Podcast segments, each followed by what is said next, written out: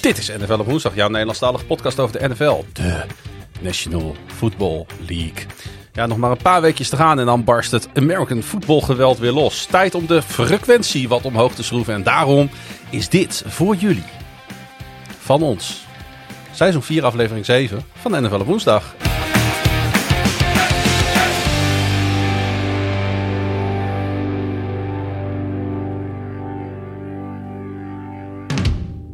Op woensdag. Op woensdag. Ja, als de mensen dit luisteren is het inmiddels geen woensdag meer. Maar wij zitten gewoon keurig op eh, woensdag NFL op woensdag op te nemen. Hoi Pieter. Voor ons is het eh, woensdag. Wij zijn NFL op woensdag. Hallo, Klaas-Jan. Hallo, hoe is het met je? Ja, goed hoor. het eh, gaat allemaal hartstikke geweldig hier aan de, aan, in het centrum west van Groningen. Niks meegemaakt waar je over wil vertellen? Nee. Nee, je wil dat niet eh, openbaar in de podcast eh, Mijn, benoemen? eh, mijn, mijn, mijn onvermogen om op de fiets te fietsen, bedoel je? Ja, je hebt even een stoeprandje gekust, hè? Ja. Ik voelde me net die ene jongen uit American History X. Die, Ja. die scène die we allemaal wel kennen. Maar hoe gaat het nu met je? Want nou, je bent best wel, nou ja, je bent gewoon best wel hard gevallen volgens mij, of niet? ja, ja ik, ik, ik was aan het fietsen en of ik zou wegfietsen eigenlijk. En iedereen kent het wel, die eerste keer dat je je trappers ronddraait is je, is je evenwicht nog niet optimaal. En ik keek eh, wat verder de straat in en toen zag ik pas op het allerlaatste moment dat er glas vlak voor mijn voorwiel lag. En ik dacht dat toch even heel tactisch omheen te kunnen fietsen. Maar toen kwam mijn voorwiel tegen de stoeprand en daarna lagen mijn tanden op dezelfde stoeprand. Oh jee. Dus ja, toen, eh, toen ben ik maar heel beschaamd, eh, heb ik mezelf weer opgeraapt en ben ik naar huis gefietst. Maar eh, Toen merkte je al vrij snel dat het toch niet zo goed met je ging? ja, dat, dat, dat er allemaal gaten in mijn mond zaten waar voorheen tanden zaten. En, oh my eh, god. en, en, Ik weet niet hoe het met de mensen is die luisteren, maar mij lopen de rillingen over de ruggengraat. Maar ja, ik eh, nou ben ik de volgende dag maar even naar de tandarts gegaan. En die heeft er een, een nood, nooddingetje van gemaakt. Ik weet niet of de mensen kunnen horen. Ik slis een klein beetje, want dat komt omdat er allemaal lijm en touwtjes en weet ik veel wat zitten die wat tanden gespalkt hebben. En dan eh, nou gaan we einde van de maand eh, dan gaan we voor stifttanden of zo, of kunstgebiedje, ik weet het niet. Maar in ieder geval een permanentere oplossing. Ja, dan krijg je zo'n brug krijg je waarschijnlijk in Nee, ik, niet? ik, wil, ik, ik, ga niet, ik, ik, nee, ik ga niet voor een brug, want daar, daar moet er sowieso nog een keer weer wat gebeuren. Ja. En eh, ik ga meteen gewoon voor een stifttand. En dat is eh, de meest permanente en mooiste oplossing. Hm. Ook de duurste, maar ja goed, daar ben je voor verzekerd. Ja. En anders eh, kunnen de luisteraars hun petje afnemen. En dan zal ik toch een keer, eh, niet dat ik er ooit een cent van terugzie van al die, eh, van al die euro's die bij, bij KVM Media bij de, bij de gevel omhoog klotsen. Die zijn de plinten al voorbij, maar dan... Nou, we gaan wel eens uit eten. ja, nou, leuk. Ik kan niet eens fatsoenlijk eten op het moment. Nee, dat is waar. Een beetje doorgekookte pasta naar binnen slobberen. Dat is Nou, ook nog net. oh, een hotelletje voor je boeken binnenkort of zo dan. Nee, maar dat eh, zal allemaal goed komen. Ja. Ik, heb, eh, ik, ben, ik ben nog redelijk ook even verzekerd. Dus eh, Maar een uurtje of anderhalf over de NFL praten, dat, dat lukt nog net. ja, ik heb, ik heb geen pijnstiller genomen, dus ik mag ook bier. Oké, Zo- dat zo is eigenlijk een soort van vervanger voor de pijnstiller, wel beschouwd. Ja, nou, moet ik wel zeggen, het was, het was allemaal vrij pijnlijk. Maar de, de laatste week is, is voornamelijk mijn ego het enige wat, wat nog verwond is. En had je iets anders kunnen doen achteraf? Neem je jezelf iets kwalijk? Ja, gewoon... Of is het gewoon echt een dom ongelukje? Het is wel- een dom ongelukje, maar dan nog eh, neem ik het mezelf wel kwalijk dat, Hmm. dat ik het. Dat, dat ik niet in staat was om op een normale manier een stukje glas eh, Te ontwijken. te ontwijken. Ja. En volgens mij was het probleem ook een beetje eh, omdat ik gewoon absoluut nog nul vaart eigenlijk had. Dat je recht naar beneden valt. In, volgens mij als je een, beetje tempo hebt, moet natuurlijk niet te hard zijn. Maar zeg maar een kilometer of tien of zo, eh, dan, dan val je ook wel en dan rol je een beetje. En dan, dan gaat het volgens mij anders dan als je recht naar beneden Nou, valt. Als jij gewoon op, op vlak asfalt eh, onderuit gaat, ja, dan kun je eens een keer een schaafwond hebben. Maar dan valt het over het algemeen wel mee.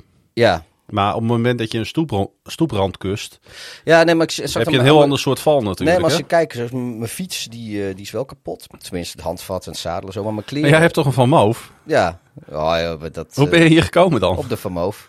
Oh nee, hij, nee, hij doet het nog prima. Hij zit alleen de handvat en het zadel. Want die is kun je nooit meer laten maken op deze planeet, dat weet je. Ik kreeg, ik kreeg eh, van de week nog een mailtje van ze dat het tijd was voor, eh, voor de check-up. Maar ik heb zoiets van, nou, volgens mij eh, dra- draait die server die die mailtjes automatisch verstuurt, die draait nog. Maar ik geloof, ik, ik, ik heb niet gebeld voor een afspraak. Van, dat hoeft niet meer, denk ik. Nee, maar ja, volgens mij normaal als je valt, dan kun je een beetje je val breken en wat wegrollen. En nu is het gewoon, ja, je flikkert gewoon verticaal eigenlijk.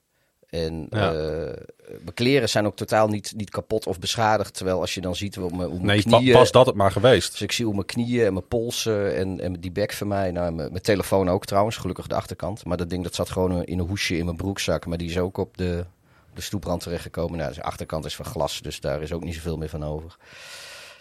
Dus ja, het, eh, het is maar goed dat ik geen NFL-speler ben. Want dan was, was, was ik, zat ik nu alweer op de, op de, Op de pub, pub, eh, op, op de, de pub. publist met, eh, met die dikke knie van mij. Ja, lach er maar om. Ja, aan de andere kant had ik misschien nog wel een helmpje op gehad. Met zo'n met zo'n maskertje. Misschien had dat geholpen, zo'n face mask. Als ik Nou, ik- dat is dus En natuurlijk... zo'n pitje in. Dit is überhaupt Misschien moet ik eh, sowieso, weet je. Je zag als ook- American voetbal spelen met bepakt en bezakt door de stad. we zagen eh, iedereen die vroeger dat 70 show heeft gekeken. Vooral de eerdere seizoen, de, de, de, eer- eerste, dus weet ik hoeveel seizoen had. Er zat zo'n Green Bay Packers helm in die kast liggen. Ja. En die moest Kelso, die was dan over het algemeen de groepsmogol. En die moest die dan op, omdat die dan een beetje zwakzinnig was. Nou, nu vind ik daar een Packers helm op zich ook prima bij passen. Maar eh, ja, dat was eh, voor mij misschien ook wel wat geweest. Dat niet een, niet een Packers helm, maar een American voetbal helm op. Omdat ik eh, een beetje zwakzinnig was. Dat had misschien wel geholpen. Nou hebben ze het vaak over die helmplicht hè, op de, voor fietsers in Nederland. Ja, En je hoort wel steeds meer van dit soort verhalen. Dat mensen die dan zoiets hebben meegemaakt, nu zeggen van... Ja, ondanks dat het best nou, wel had ik, vervelend had is. ik wel een volle integraal helm moeten hebben. Of inderdaad zo'n eh American voetbal helm met een gezichtsmasker. Want als je zo'n lullig eh, fietshelmpje op hebt, dan, dan, dan zijn je tanden die, die kun je nog steeds in de stoeprand zetten. Ja. Nou ja, je had ook op je achterhoofd kunnen vallen. Dat is waar, maar ik ben gelukkig niet op mijn achterhoofd gevallen. Ja, misschien was dat beter geweest. Hoewel ik later dacht, misschien heb ik nog wel iets van een hersenschudding gehad. Want ik was, de, Ja. ja. want ik was de, de, de weken na was ik regelmatig wat misselijk en duizelig en hoofdpijn. En ik dacht dat het bijwerkingen waren van de pijnstillers. Maar dacht, ja, misschien... Nou, er, stond, er stond geen witte tent Nee, voor concussion protocol. nee, of een blauwe tent of een, of een, of een MRI-machine. En jij ook niks vertellen, hè? want ik zat dus in Berlijn. Daar een beetje vrolijk te doen en een beetje naar eh, Hertha en Union te gaan. En daar een beetje over te schrijven voor Flashscore. Ja. En eh, ik kom terug eh, en ik zeg, eh, ik, we appen ergens. Ik weet niet waarom we appten. Volgens mij zei ik van, ga je even, oh ja, we moesten gingen een biertje doen. Ik zei, nou, ik drink niet. Ja, ik zeg, wat is met jou aan de hand? Dat is eigenlijk het moment als, als jij zo'n antwoord geeft dat ik, nou ja, dan slaat me de schrik op het hart. Ja, ja dat is... eh, En er was dus ook serieus wat gebeurd. Ja. Maar, eh, ach, weet je, we herstellen wel. We hebben wat dat betreft een echte Drenthe. hè? Hoezo? Nou ja, ik ben, ik nou, ben half Drents, hè? Het is, is, je, je praat er liever niet over. Ja, nou ja, goed, er is verder niet zoveel over te zeggen. Nou, dat, is, ook niet, dat is dus niet waar. het, was, het is ook niet mijn meest, meest trotse moment. eh. We hebben het er al acht minuten over, hè? Ja, maar goed, ik, eh, ik, ik ben mijn ei nu kwijt. Ja. Hoe, eh, hoe ging het, eh, de pre-season wedstrijd van de, van de Ravens? Heb je die nog gekeken zaterdag? Nou, het allerbelangrijkste wat natuurlijk gebeurd is, 24-0. is dat we gewonnen hebben. en hoe maakt niet zoveel uit. Ik vond het echt verschrikkelijk om naar te kijken, Pieter. Ik weet niet hoe het met jou gaat met pre-season games. Er zijn een aantal teams waarvan ik wat wedstrijden heb gekeken en wat samenvattingen, omdat ik dan benieuwd ben naar bijvoorbeeld Anthony Richardson bij de Colts, CJ Stroud. Eh, eh, dat, dat, dat vind ik dan leuk om, om, om toch de eerste stappen van zo'n speler op een American Football Field even te bekijken. Eh, de Chiefs die hun starters even op het veld hadden, heb ik, heb ik gezien. Ik heb even naar de Saints gekeken. Vond ik heel leuk spelen. Ik vind de Saints sowieso een, een team om in de gaten te houden. Gaan we het wel even over hebben in deze, in deze aflevering. Eh, maar verder, eh, ik moet zeggen dat juist de wedstrijd tussen de Eagles en de Ravens eigenlijk helemaal nergens op Nee, ik heb, er- ik heb er een stukje van zitten kijken. Het was, eh het was nachts, volgens mij was het, was het de nacht Ja, van, één van, uur, van zondag die. op maandag, geloof ik. Ja, hij was op NFL Network. Volgens mij was het zondag op maandag, toch? Of was het zaterdag op zondag? Maar in ieder geval, het was vrij laat. En ik heb een stukje gekeken. Maar eh, ik kon er niet voor wakker blijven. Maar dit zijn, weet je, de, de, de, de Ravens, de Eagles eh, zijn van die teams. eh, die hebben de boel aardig op de rit op dit moment. Ja, die gaan geen risico's lopen. Nee. Het is voor de coaches natuurlijk ongelooflijk handig om te zien hoe de third string ervoor staat. Welke jongens zijn in vorm. Welke komen eventueel in aanmerking voor dat 53 man roster? Welke spelers wil je eventueel op je practice squad plaatsen? Het zijn allemaal vragen wat binnen de trainingsroom ontzettend interessant ja. is. Maar om naar te kijken natuurlijk verschrikkelijk. Ja, nou, ik, ik moet zeggen, ik vind, al, ik vind het ergens vind ik het altijd wel even leuk. En zeker de laatste uh, pre-season friendly. Maar om, om nog even te, al die jochies te zien. Of jochies, het zijn, het zijn hele kerels. Maar om die allemaal nog even te zien. tegen uh, de? Titans. Oh ja. Maar om, om in de, de derde wedstrijd, zeg maar de laatste uh, pre-season friendly, om nog zeg maar de laatste kans voor een aantal mensen om nog even. Uh, ik vind eigenlijk gaan. de maar, beelden van die de, gemeenschappelijke eerste, camps vind ik interessanter. Ja, en, en de eerste wedstrijd is eigenlijk alleen maar, normaal gesproken alleen maar leuk, omdat je dan eindelijk een keer weer uh, voetbal ziet. Ja. Maar ik moet eerlijk zeggen, ik heb dus Bears Titans zitten kijken, is er geheel ook. En alleen de eerste twee drives waren met Fields. Nou ja, goed, het waren ook meteen twee hele lange touchdowns. En toen was het ook. Hij zou eigenlijk maar één drive spelen. Maar ja, omdat de eerste drive was na tweede play was een touchdown, volgens mij. Of tweede of derde play, er was meteen een lange touchdown van, uh, van DJ Moore. Of nee, van uh, die eerste was van, van, van Herbert. Maar in elk geval. Ja, dat, uh, die, ik geloof dat hij zes snaps gehad heeft, Fields. Maar ik, ik was wel uh, er blij mee, want ik weet dat er heel veel kritiek was van ja, hij heeft uh, negatieve air yards. En de kast staat wel in de statistieken 128, 129 yards in zes passes. Maar dat is natuurlijk allemaal yards after the catch van, omdat er een, een, een 50 ja. en een 60 yard touchdown run van Moore en Herbert was. Maar we hebben vorig jaar hebben we zo vaak gezegd in de podcast. En uh, iedereen ook die de Bears een warm hart toedraagt. En ook de mensen die de Bears geen warm hart toedragen, maar ze wel zagen spelen. Allemaal van ja, die Fields die moet wapens om zich heen hebben. Die moet playmakers hebben. Die moet jongens hebben die die de bal in de handen kan geven. En die dan wat. Want hij kan het niet allemaal zelf doen. Dat heeft hij vorig jaar wel een aantal wedstrijden geprobeerd. En ook wel laten zien. Maar dat is niet genoeg. Nee, en daar ging er ook nog eens fysiek uh, half kapot aan. Precies, dat ook nog eens. En dan, en dan komt er nu in één keer, ja, wat heeft die Fields nou eigenlijk laten zien? denk ik, ja, jongen, het gaat mij niet, niet eens zozeer om wat Fields laat zien in preseason. Want uh, dat hij kan lopen met de bal weten we al. Dat hij een diepe bal heeft weten we ook wel. Uh, maar dit soort dingen, dat gebeurde nooit. Nee. En nu heb je juist dat, dat er toch, oké, okay, weet je, het is tegen Maar weet je, Pieter, ieder team zit, zit in een andere ontwikkelingsfase. Ja. Dus je moet, het, je moet ze ook niet bekijken als wedstrijden van A tegen B. Nee. Je moet die teams echt op zich moet je, ze, ja. uh, moet je erop inzoomen. En als jij fan bent van de Tennessee Titans, is het superleuk om gewoon met het roster gewoon met de depth ja. chart op de bank zo'n wedstrijd te kijken. En wie staan er nou eigenlijk ja, op het veld? Waren en de, hoe doen ja, ze de het? defense van de Titans die had, uh, die had uh, helemaal niet zoveel starters spelen. Dus, dus ja, de, het is superleuk om te kijken Maar- van de, de, de rookies die gedraft zijn. Daarvan spelen er Ja. vaak wel een aantal. Ja. Hoe doen die het? Nou, wat, wat, ik, eh, wat ik vooral het mooiste vond eigenlijk van eh, die wedstrijd eh, is normaal gesproken eh, zoek je. Of zijn de hoogtepunten in pre-season wedstrijden zijn vaak van eh, spelers die misschien het roster niet eens halen. En als ze het roster wel halen, dan eh, tenminste voor, voor ons Bears-fans praat ik dan even. Of het is dan een, een vierde of vijfde eh, running back die in één keer een explosieve run heeft. Of een, of een, een, een derde of vierde quarterback die, die als het seizoen begint dan niet meer in dienst is. Die in één keer ook wat leuks doet. Of weet je, dat, dat zijn vaak de, de hoogtepunten. Ja. En nu zijn de hoogtepunten gewoon allemaal voor jongens die gewoon gaan spelen. En eh, dat is op zich ook een keer leuk om te zien. En eh, ja, nogmaals, we, we riepen allemaal van joh, eh, er moet een keer wat, wat playmakers op die aanval van de Bears komen. Nou ja, die zijn er nu. En ook de O-line is al een stuk beter, want ook daarom waren die lange touchdown runs mogelijk. Dus ja, ik, ik zeg niet dat we de, de Super Bowl gaan winnen, maar ik, ik heb wel even gezien bij de starters dat in die zes of zeven Mhm. snaps die ze speelden, dat problemen die het grootst waren, die kwamen nu totaal niet aan bod. Dus eh, ja, wat dat Mhm. betreft ben ik, heb ik er wel En van de- genoten. En de Titans, eh, die, die, eh, ik, maak mij, ik maakte mij ehm, erg veel zorgen over hun eh receivers corps. Mhm. En ik denk dat DeAndre Hopkins dat niet in zijn eentje allemaal gaat oplossen. Maar die, hoe die heeft ook niet gespeeld die heeft, nee, dat weet ik. Maar hoe vond je hun spelen? Ehm, nou, op zich eh, niet eens zo heel slecht. Kijk, het, de, de- die, eh, het is natuurlijk heel makkelijk inderdaad wijzen die twee grote plays die ze weggaven. Maar je kan ook weer zeggen van nou misschien was er wel illegal man downfield bij de Bears. En Misschien vooral, dat ook wel vooral aanvallend, hè? want we weten natuurlijk, zij hebben een coach Nou, die is, dat defensive wel, heel goed is. ehm, wie, wie gaan de... eh, wie wordt de backup quarterback, vraag ik me wel een beetje af. Wie, wie moet dat achter eh Tannehill gaan doen? Want nou, ik heb dus die, eh, die jongen die er vorig jaar ook even gespeeld heeft. eh, je bedoelt, eh, bedoel je Malik Ma- Ma- Willis Malik of Willis. Will Levis? Ja, nou die Malik Willis, daar, die was vorig jaar hebben ze, heeft hij af en toe wat gespeeld en dat was niet best.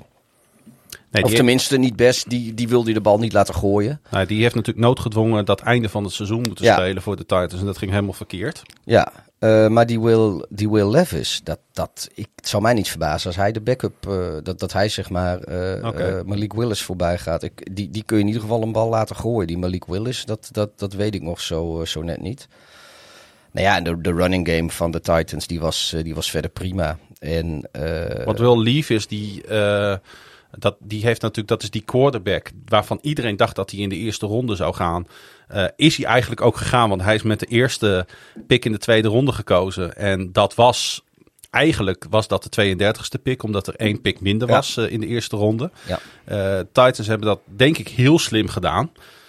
Ik denk dat ze enorm veel value voor deze jongen relatief hebben in de tweede ronde. Het nadeel is natuurlijk dat als het wel de real deal blijft, dus het blijkt te zijn, Ja, dat je hem geen 50 50-year nee. option kunt aanbieden. Maar goed, het blijft een beetje een gokje natuurlijk.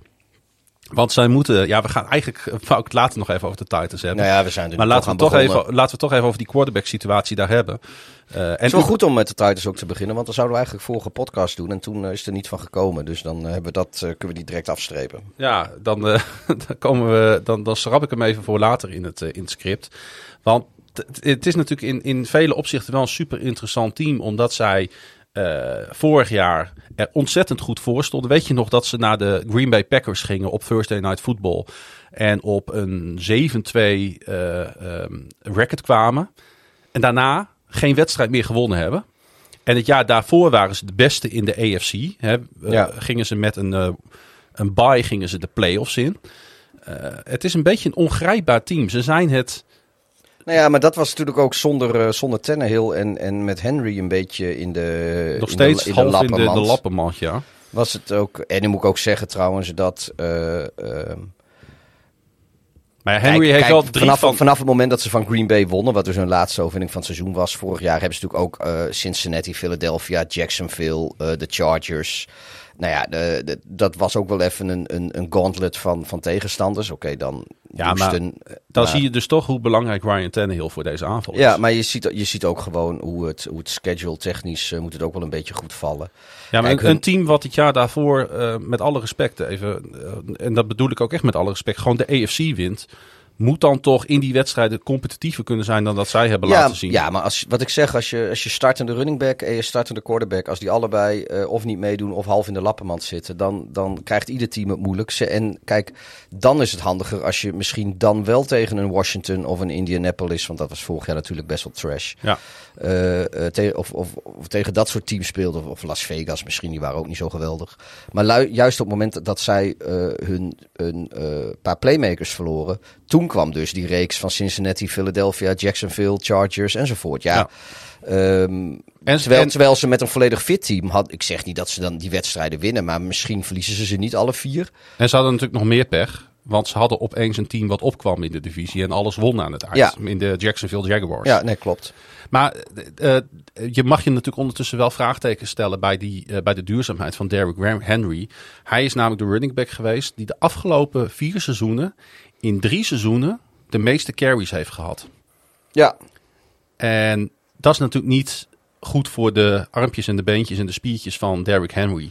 Dat er geen workload eh, verdeeld kan worden in dat team. nee, ik moet, eh, nou ja, wat voor, voor wat het waard is, die, eh, die Spears en Heskins, volgens mij, dat zijn andere running backs van hun, die, die ik dus aan het werk heb gezien.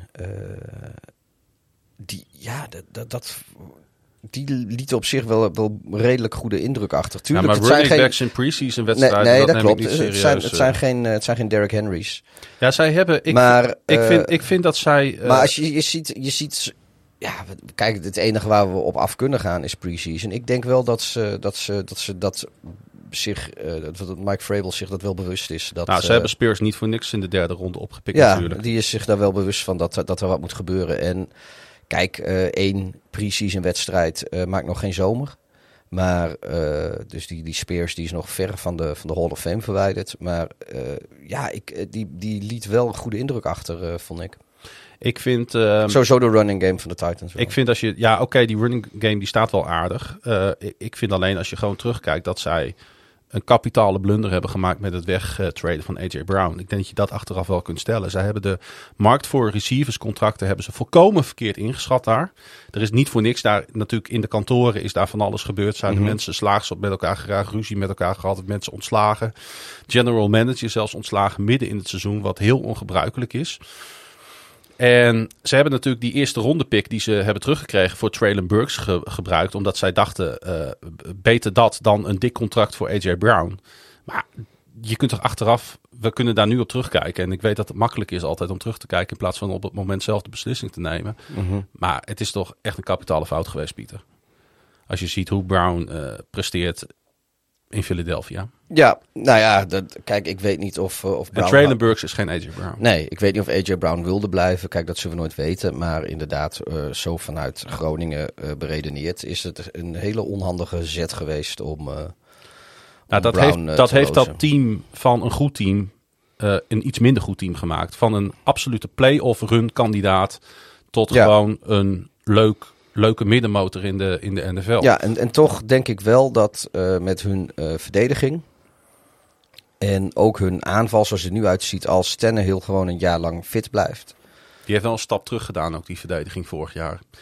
Ja, maar dat was ook omdat de aanval niks waard was. Weet je, de, de, die, die zetten al, al weinig punten op het bord. Het is een dynamiek. Maar Frabel moet een ongelooflijk frustrerend seizoen uh, ja. hebben gehad. Want de, maar, man, de, man, weet wel hoe hij een verdediging moet neerzetten. Ik denk, maar ik denk wel dat hun, uh, hun offense uh, is ten opzichte van vorig jaar is een stuk beter geworden. En, uh, en, en, en, die toevoeging. En dit van... maakt, het, maakt het de defense ook weer wat makkelijker. En de toevoeging van Hopkins, die Andrew Hopkins? Ja, nou ja, goed, dat. dat, dat ik weet niet of de, DeAndre Hopkins is, denk ik, ook geen AJ Brown op het moment. Aan de andere kant, AJ Brown, die, die, die zit natuurlijk in een offense die die op volle toeren loopt uh, met een quarterback die helemaal in vorm was uh, wat dat betreft. Dus, dus da daar zat ook alles mee.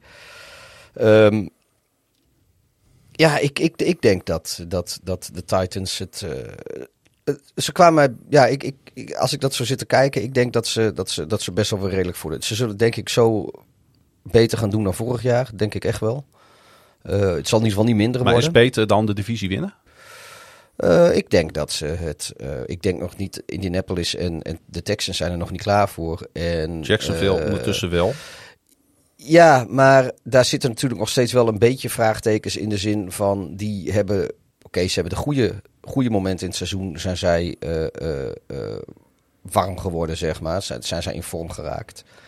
Um, zij hebben uh, uh, wat dat betreft precies het inderdaad omgekeerde seizoen gehad als wat de Titans hebben. Die hebben ja. in de eerste seizoen zelf hun overwinning gepakt. De, de, de Jaguars in het tweede seizoen zelf vooral.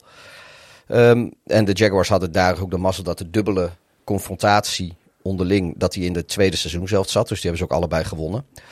Uh, dat had als, het, als die dubbele confrontatie in de eerste seizoen zelf had gezeten, of dat was uh, uh, beter verdeeld geweest, dan had het ook zo anders kunnen zijn. Ik denk dat de Titans en de, en de Jaguars zomaar veel dichter bij elkaar kunnen zitten dan veel mensen nu denken. Nou ja, dat zou in ieder geval wel voor een leuke tweestrijd in die divisie Ja, dat maakt, maakt dat is wel wat zo, leuk. Ja, want ja, ja, goed, ook, ook de, tuurlijk, uh, iedereen die Trevor Lawrence heeft zien quarterbacken afgelopen seizoen, die weet dat die jongen, en sowieso zijn hele carrière al, maar maar zeker de tweede seizoen zelf, vorig jaar in de NFL.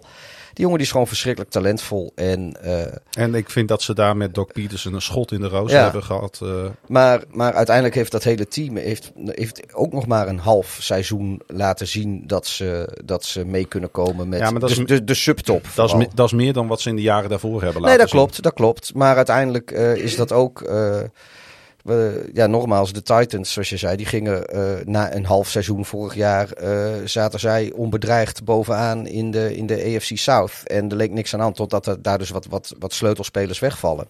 Ja. ja, als dat niet gebeurt, ja, dan, dan had het dat halve goede seizoen van de Jaguars nooit genoeg geweest om de, om de Titans Goed. bij te halen. En nu Ja, ik denk dat ze, dat ze prima elkaar gewaagd kunnen zijn. Pieter, straks meer over die uh, Jaguars. Want daar komen we nog wel even op terug. Want daar kwam namelijk een vraag over binnen via Instagram. Dus die gaan wij zeker nog even behandelen. En uh, kijk even of onze muziekjes er nog op staan.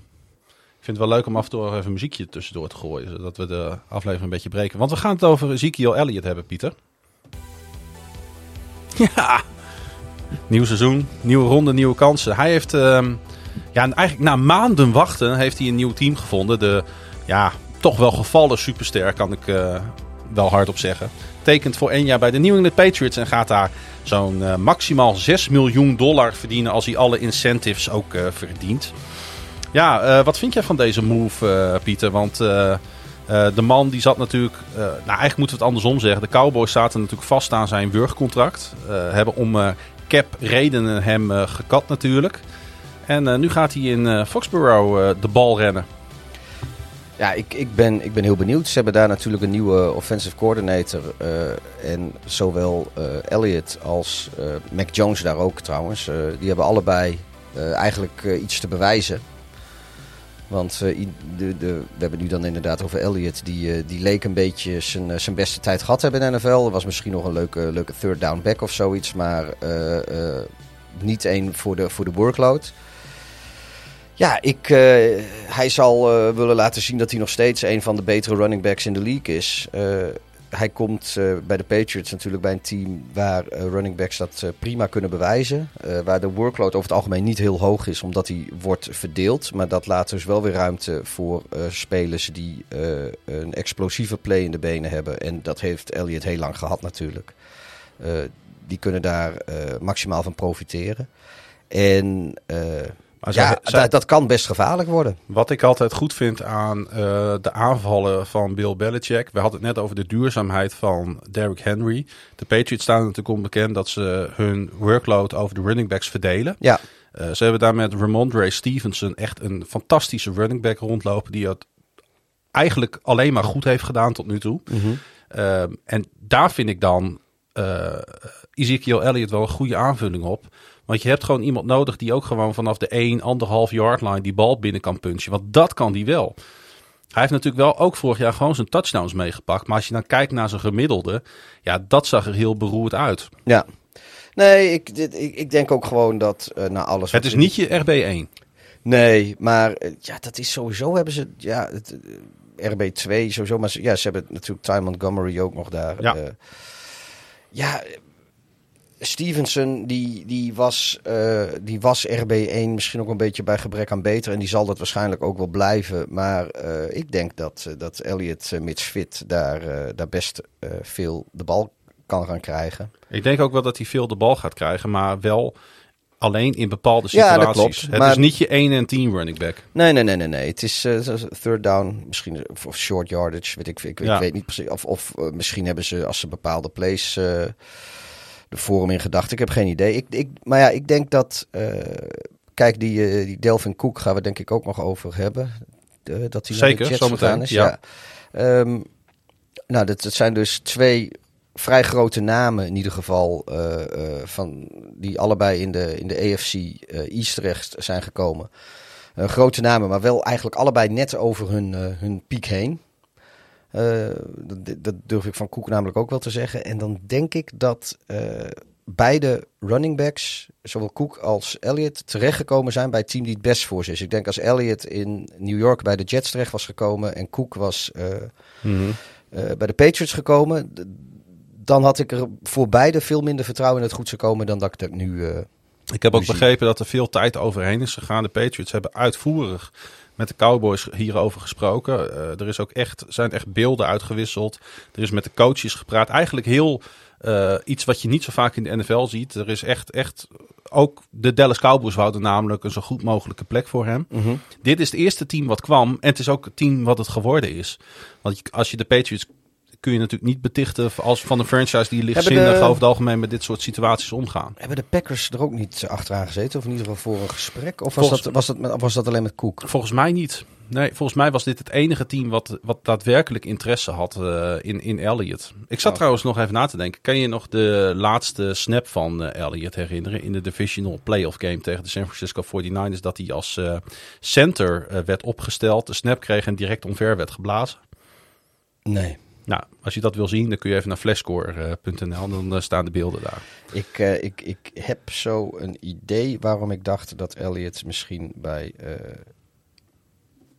Green Bay in beeld was. dat is natuurlijk omdat de Patriots op dit moment in Green Bay een joint practice doen met Ah, de Packers. ja. Dus ik zag, hij doet voor het eerst mee met de Patriots in de training in Green Bay. Dus zodoende heb ik, had ik een verbandje tussen, tussen Green Bay en... Ik denk dat Elliott blij is dat hij nog ergens een baan heeft komend jaar. Ja, nou ja, en hij heeft ook behoorlijk uh, wat salaris moeten inleveren, maar 6 miljoen is ja, weet je, prima. Maximaal, hè? Maximaal. Hey, uh, de, de Jets inderdaad, uh, de, die, die maar door blijven gaan met het binnenhalen van, van grote namen. Een eenjarig contract voor Delvin Cook te waarde van 8,6 miljoen bij Gang Green. hij zat zonder team, hè? toen hij in juni ja, de, toen het contract voor, van Cook door de versnipperaar ging bij de Minnesota Vikings.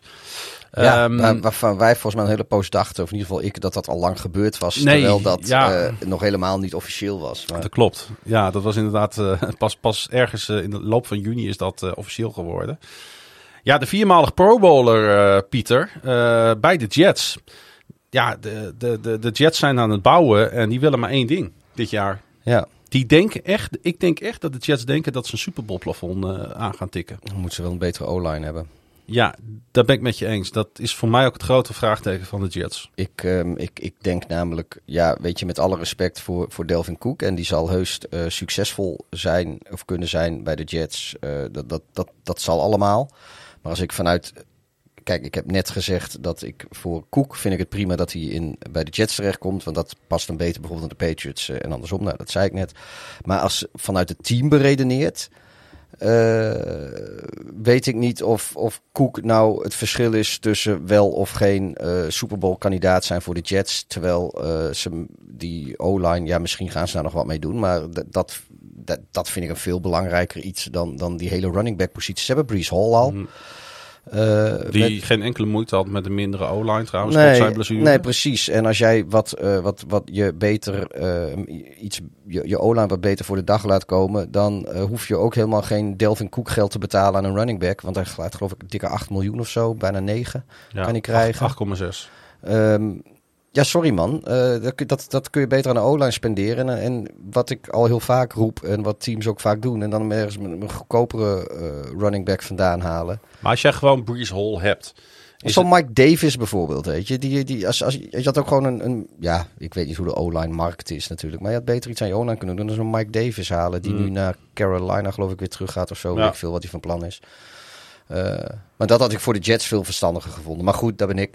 Uh, het, het, is natuurlijk wel sexy als je Aaron Rodgers en kraan getrokken hebt. Dat je dan met allemaal andere grote namen ook komt. Een beetje een soort NFC North incest party uh, daar bij de Jets ondertussen. Nou ja, maar, ze doen er gewoon alles aan om Aaron Rodgers zich lekker te laten voelen. Ja. En, en daar hebben ze heel veel voor over. Ja, nou ja, goed. En Aaron Rodgers, die, uh, die vindt het natuurlijk al lang best. Want uh, de Jets hebben nu in één offseason al meer voor hem gedaan dan Green Bay in weet ik hoe lang. Ja, zij denken, Aan de andere uh, kant, hij heeft voor de Jets wel salaris in willen leveren. Wat hij voor Green Bay eigenlijk nooit echt gedaan heeft. Dus het mes snijdt nog steeds aan twee kanten daar. Ja. Um, maar dat is omdat hij natuurlijk denkt dat het niet bij één seizoen blijft. En dat heeft hij hardop gezegd. Ja. En dat, dat blijft een opmerkelijke opmerking. Want ik denk dat de Jets inzetten op het Tom Brady scenario. Die bij de Tampa Bay Buccaneers ja. onmiddellijk een Super Bowl pakte. Ja. Uh, ja. Dat zie ik niet gebeuren hoor. Ja. Maar in, daar zetten in, ze wel in, ja, op in. in Ik zie het ook niet gebeuren, maar het is wel de bedoeling van de Jets om in één keer Ja. voor het eerst in.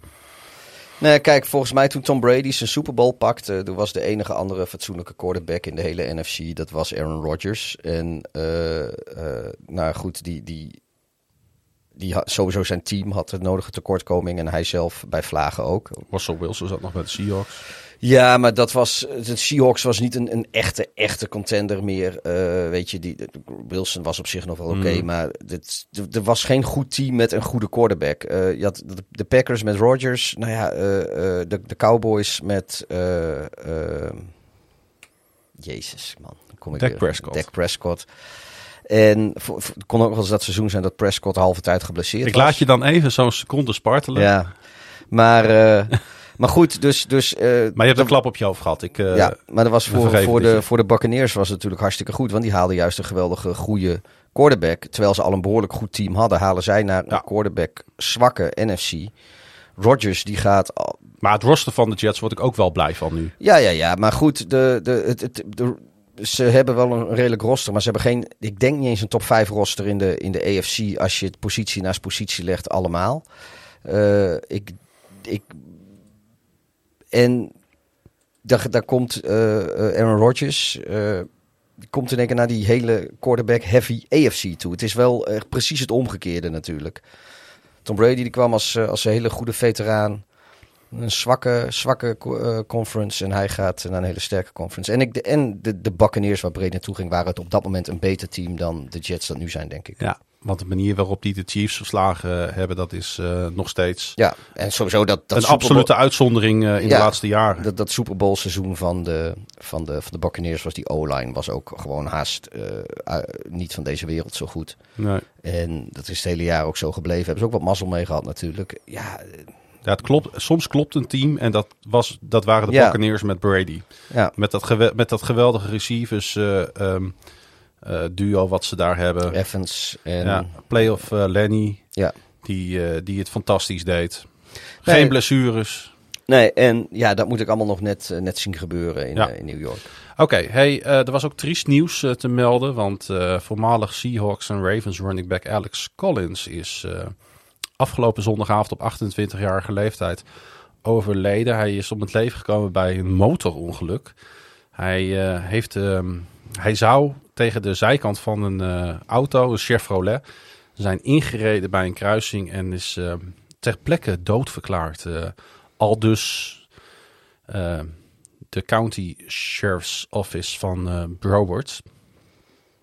Ehm, in de vijfde ronde in 2017 eh, in de NFL-draft gekozen door de Seahawks. Eh, heeft een hele goede serie jaren neergezet voor de University of Arkansas, waar eh, gespeeld heeft. In eh, drie seizoenen was hij goed voor maar liefst 3703 rushing yards. Eh, nog altijd eh, de tweede meeste rushing yards in de historie van dat team. En heeft vijf jaar in de NFL gespeeld. Afwisselend bij dus de Seahawks en de Baltimore Ravens. Eh beste Ja. jaar was in 2017 bij de Ravens. Toen hij tot bijna 1000 rushing yards kwam. Maar wel 1160 scrimmage yards. En eh, hij was recentelijk actief voor de Memphis Showboats in de USFL. Ja, Ehm, ja, terug triest. natuurlijk. triest. Ja. Ja, ik kan hem mij eh, nog goed herinneren. Ik eh, was ook wel echt fan van hem. Ehm, hele goede. Hij stond bekend om zijn, eh, om zijn dansmoves. Maar net als Ray Lewis. Nee, ja, nee, dat, op een andere manier. Maar hij was meer van de volksdansen. Oh, Oké. Alex eh, Collins, eh, hij is eh, helaas niet meer onder ons. Ik wou het toch even benoemen, want nou ja, Was trouwens ook weer een... ja, kom ik weer met halve informatie. Maar hoe...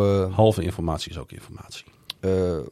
wat, wat, wat voor slechte invloed social media kan hebben. Want aanvankelijk werd er de naam van een andere NFL-speler genoemd die zou zijn omgekomen. Namelijk die van Sony Michel. Oh, De, dat was het eerste bericht. Eh, kom ik trouwens toch met hele informatie. Ik, eh, ik was vergeten welke andere NFL-speler het was. En maar ondertussen heb ik het gevonden. maar dat Dus, is eh, dus hartstikke fake nieuws. Ja, alleen het semi, of, of de, de verklaring daarvoor is, is dat ze allebei uit Broward County, Florida komen. Oké. En waarschijnlijk is eh, de, het eerste nieuws wat doorkwam, is dat er een running back of een NFL-speler uit Broward County is omgekomen bij een motorongeluk. Zoiets zal wel weer gelekt zijn door, door getuigen of Ja. iemand in een ziekenhuis of, of, of hulpdiensten of wat dan ook. En waarschijnlijk heeft, eh, heeft iemand, eh, nou, wel- welke, Sony welke Michel NFL-spelers komen uit natuurlijk nog recentelijk in de NFL Sony gespeeld. Michel, ja, En dat bericht was ook vrij snel weer verwijderd. Maar dat eh, vond ik wel weer bizar. Dat eh, was natuurlijk weer op Twitter, of moet ik X zeggen tegenwoordig. Eh, maar ik noem het gewoon Twitter. Ja hoor. Ehm, maar dat, dat werd ergens op Twitter kwam dat van, ik weet niet meer welke nieuwsoutlet het was, maar dat, dat kwam rond en het was, eh de, verdween gelukkig ook vrij snel daarna. Maar aanvankelijk was het dus, eh, was het nieuws dus dat het Sony Michel betrof. Ehm, gelukkig voor degene die Sony Michel een warm hart toedragen was dat niet het geval. Maar het is natuurlijk wel heel triest voor iedereen die Alex Collins een warm hart toedraagt. Ja. Nog meer uh, uh, opvallend nieuws, want ehm, voormalig NFL-ster Michael Orr, wiens inspirerende levensverhaal het onderwerp uh, werd van de Oscar-winnende film Jij kent hem waarschijnlijk ook wel, The Blind Side. Sandra Bullock. Jazeker, die daar ook een Oscar dus voor gewonnen heeft als beste vrouwelijke rol in die film. Um, film uit 2009. Ja, hij klaagt het echtpaar uit Tennessee aan dat hem als tiener in huis nam.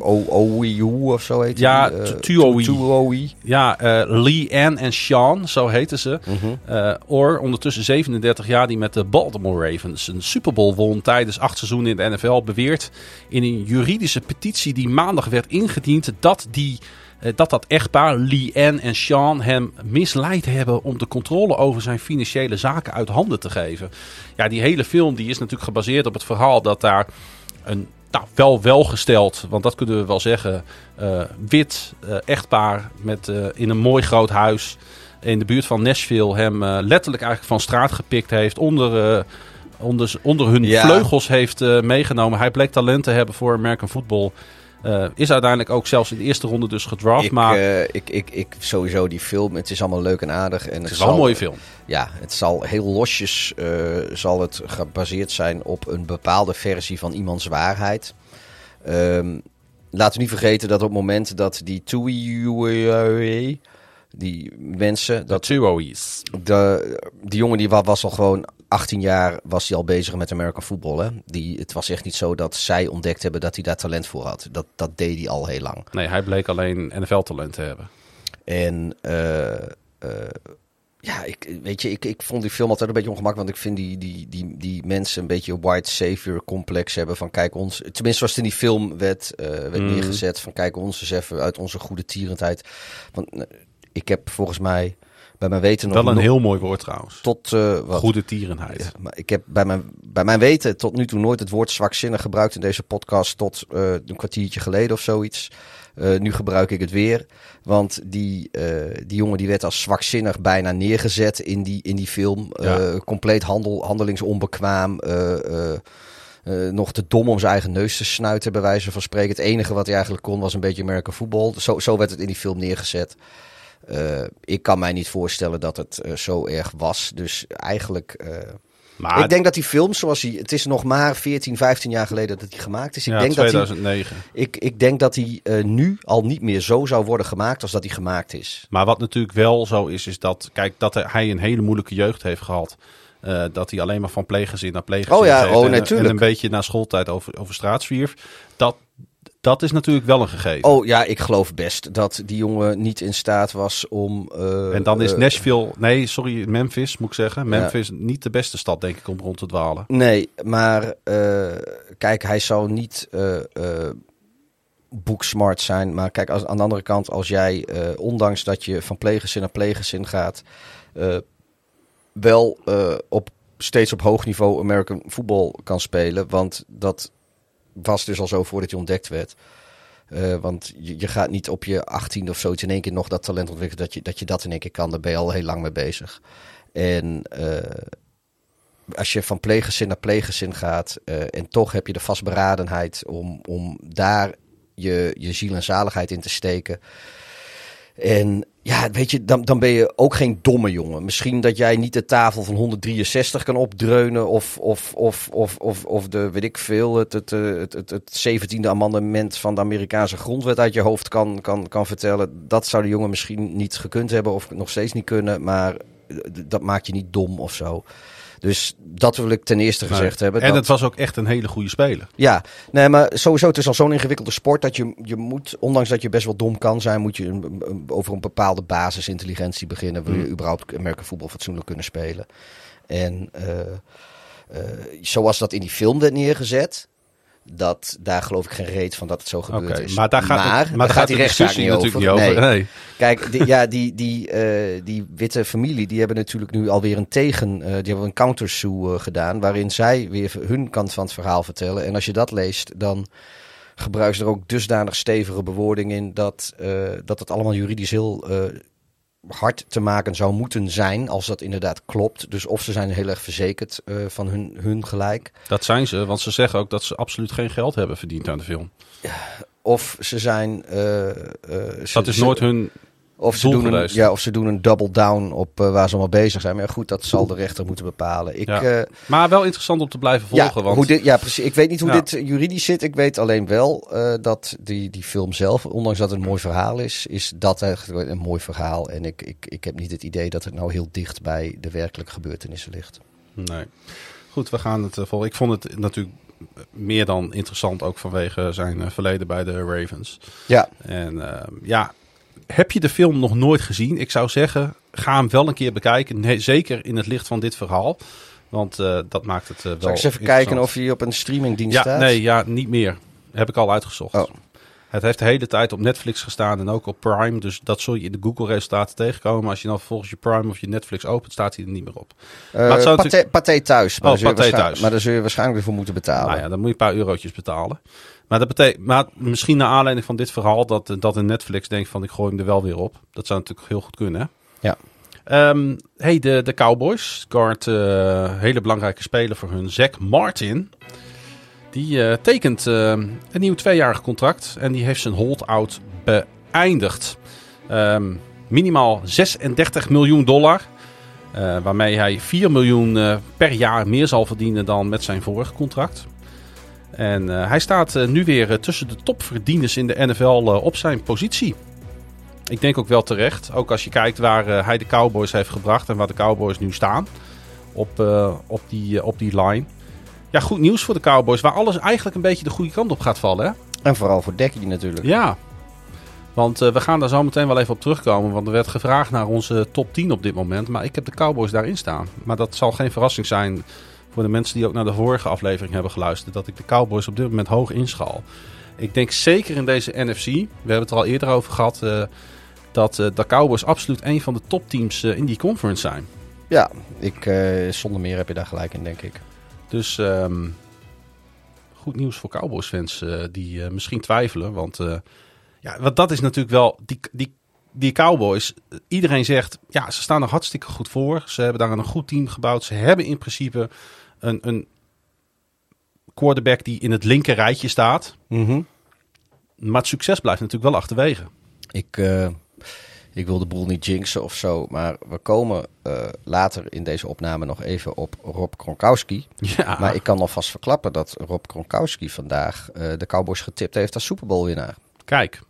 Hij zegt het is misschien niet het team dat de grootste kans heeft om te winnen. Maar ja, hij zegt als je daarop gaat inzetten verdien je sowieso niks terug. Maar als jij voor relatief laag risico een, toch een grote return wil hebben, zou ik de Cowboys zeker niet, niet vergeten. Ik wil het even over Brandon Shell hebben. Oké. Okay. En dat heeft een reden. Hij is een uh, offensive tackle. Hij is een paar dagen geleden, volgens mij zelfs gisteren, heeft hij zijn pensioen aangekondigd. Nou, oh ja, in één keer was hij er niet bij. Zo nee. van, nou, weet je, ja. ik, ik kom niet meer. Klopt.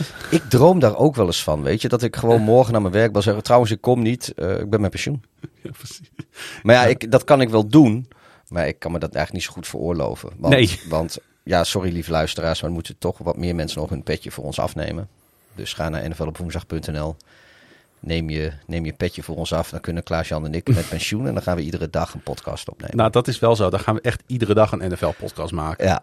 Dan worden we de, de Kay Adams van, uh, van Nederland. Ja, de, uh, de, de, Good Morning. Noem het ook gewoon uh, goeie, goeie, Goedemorgen NFL. Ja. Uh, ik vind het ook gewoon leuk om zo'n speler uh, eruit te lichten. Waarom? Omdat bijna niemand hem kent. Ik, ik, uh, ik had zijn naam wel eens gehoord. En dat heeft ook een andere reden. Daar kom ik zo op. Maar hij tekende 1 juni bij de Bills. Zij van die familie van dat brandstofconcern? nee. Oh. Hm. dat vind ik wel een hele goeie, maar dat is hij niet. Daar ken ik zijn naam van namelijk. Nee, hij is uh, achterneef van uh, Pro Football Hall of Famer Art Shell. Die als speler twee Super Bowls won met de Raiders. Uh, de eerste was onder de legendarische John Madden als headcoach. dat was de Super Bowl in 1976 tegen... 76. De Ik dacht in Pasadena. Meer dan 100.000 man. De Rams? Misschien is het, is het hun laatste Super Bowl geweest. Vikings? Uh, ik denk de laatste keer dat de Vikings in de Super Bowl stonden. Dat zou goed kunnen. 76. Ja. Doe maar. Ehm, maar dat vond ik wel grappig om eh, even te benoemen. Weet je trouwens wie de headcoach bij de Minnesota Vikings was? Ook een bekende naam. In de jaren 70. Headcoach. Begint met een biertje. Het begint met een biertje. Er is ook een light versie van. Ja, eh Buddy Ryan? Nee, Bud Grant. Oh, Bud Grant. Bud Maakt- Ryan was het natuurlijk. Nee. Maakt niet uit. Maar wat vind ik nou zo mooi aan zo'n speler als Shell? En we hebben het daar wel eens vaker over gehad. Eigenlijk is dit ook weer zo'n eigenlijk een mini Who's That mannetje. Maar ehm, ja, hij, hij, begon, hij zou beginnen aan zijn achtste NFL-seizoen. Streed voor, eh, dat is dan, moet je even nagaan hoeveel spelers in zo'n situatie zitten als deze jongen. Streed voor een backup tackle positie achter tackles eh, Dawkins en Spencer Brown natuurlijk bij de Bills. Hij heeft in die preseason game tegen de Colts, eh, die ik dus heb zitten kijken, want hij viel mij daarop, heeft hij eh, 17 aanvallende snaps gespeeld en één special team snap. Mhm. Ehm, en opeens, inderdaad, kwam hij dinsdag gewoon niet meer naar de training. Later op de dag is hij op de, eh, ja, dat noemen ze de, de, de, de reserve pub rustlijst eh, gezet. En hij heeft gewoon van de een op de andere dag besloten, terwijl hij twee dagen daarvoor nog pre-season een wedstrijd heeft gespeeld, om gewoon te stoppen. Eh, in 2016 door de New York Jets gekozen als vijfde ronder uit South Carolina. En heeft zijn hele carrière als right tackle gespeeld. Heeft 83 reguliere seizoenswedstrijden gespeeld. Waarvan 72 in de basis. Vier seizoenen bij de Jets. Twee bij de Seahawks. En recentelijk bij de Dolphins. Waar hij vorig seizoen in 13 wedstrijden meespeelde. 11 in de basis, dus geen kleine jongen. Eh, een gemiddelde pass-block win rate van 87% en een gemiddelde vorig jaar nog van 84,6%. Dit zijn van die unsung heroes in de NFL die er 7, 8 jaar rondlopen. Niemand kent ze. Niemand schrijft ooit een artikel over. Ze, ze komen nooit voor een Het is jouw eigen camera. schuld, hè? Je kan, ze, je kan zelf ook wat op flashscore over die jongen neerpennen. Nou, ik heb daar ook NFL op woensdag voor. Ik doe het nu, hè. Oké. Maar ik realiseer mij, zeg maar, hoezeer wij, en dat is ook wel terecht, ons altijd focussen op de... We hebben, we hebben onze eerste twee seizoenen hebben we de Who's That Man gehad. Nou, en dat, dat- deden we, gingen we altijd naar juist moet- dit soort spelers. Dat moeten we eh. weer terug gaan brengen, want het is gewoon...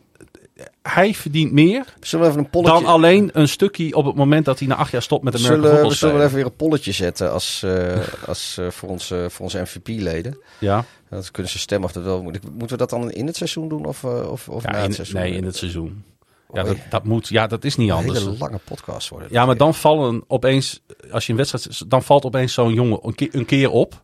Wat ik, ik, ik heb nog ergens een shortlist met, met Ja, kun- mogelijke... kun je nagaan. Dus ik ben benieuwd wie daarop staan. Maar vind jij niet dat dat... Jij had ook nog nooit waarschijnlijk van hem gehoord. En ik denk 95% van onze luisteraars niet. Nee. En toch heeft deze jongen jaar in jaar uit bij ieder team... heeft hij daar op die O-line staan knokken en bikkelen... en heeft hij er waarschijnlijk voor gezorgd dat andere spelers... waar we het wel over hebben, konden floreren. Ik, eh, En dat was eigenlijk mijn punt. ik, ik vind dat, dat, dat jij daar gelijk in hebt. Ik vind het ook mooi dat je daar een, een lans voor breekt. Ik, eh, Ja. ik vind dat je dat goed doet. Oké. Volgende nieuwsitempje. Voordat we echt aan de podcast gaan beginnen.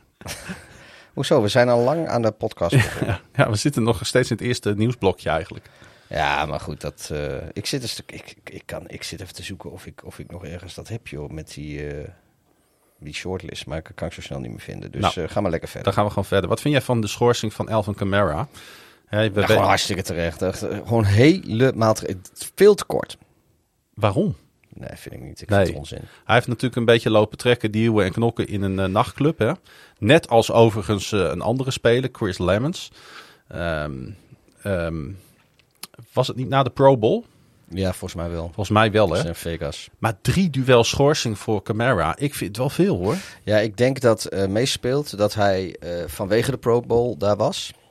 Ja, En eh, je hebt natuurlijk, daar hebben we het ook wel eens vaker over gevolg gehad. was wel zwaar lichamelijk letsel trouwens, hoor. Bij de Ja. andere partij, dat moet ik er wel even bij zeggen. Er zal, eh, kijk, de, de NFL die is vrij strikt op gedrag. En al helemaal op gedrag als je ergens bent voor de league. Dus Ja. of voor een wedstrijd. Of, of, of, en, en dus ja, dat, dat, dat zal een beetje de verzwarende factor zijn geweest. Zeg maar alsof je, alsof je te hard rijdt in de bebouwde kom. Ja, en hij krijg je ook meer straf dan als je het op de snelweg doet. En hij heeft nog een probleem. Het stond op eh, security tape. Ja, Dus dan ben je kansloos.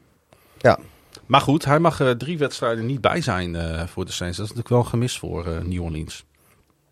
Dat staat natuurlijk, als het gaat om deze speler, buiten kijf. Jij wou het hebben over Teddy Bridgewater. Teddy B. Dan mag je het ook gaan, gaan inleiden en benoemen, Pieter. Teddy Bridgewater, die eh, wij natuurlijk allemaal nog kennen als eh, eh, veelbelovend quarterback toen hij ooit bij de Vikings zijn debuut maakte. Ernstige blessures die, die verhinderden een, Nou, een afgelopen seizoen nog, hè? Na, opwaarts, na week drie ja. lag hij eruit.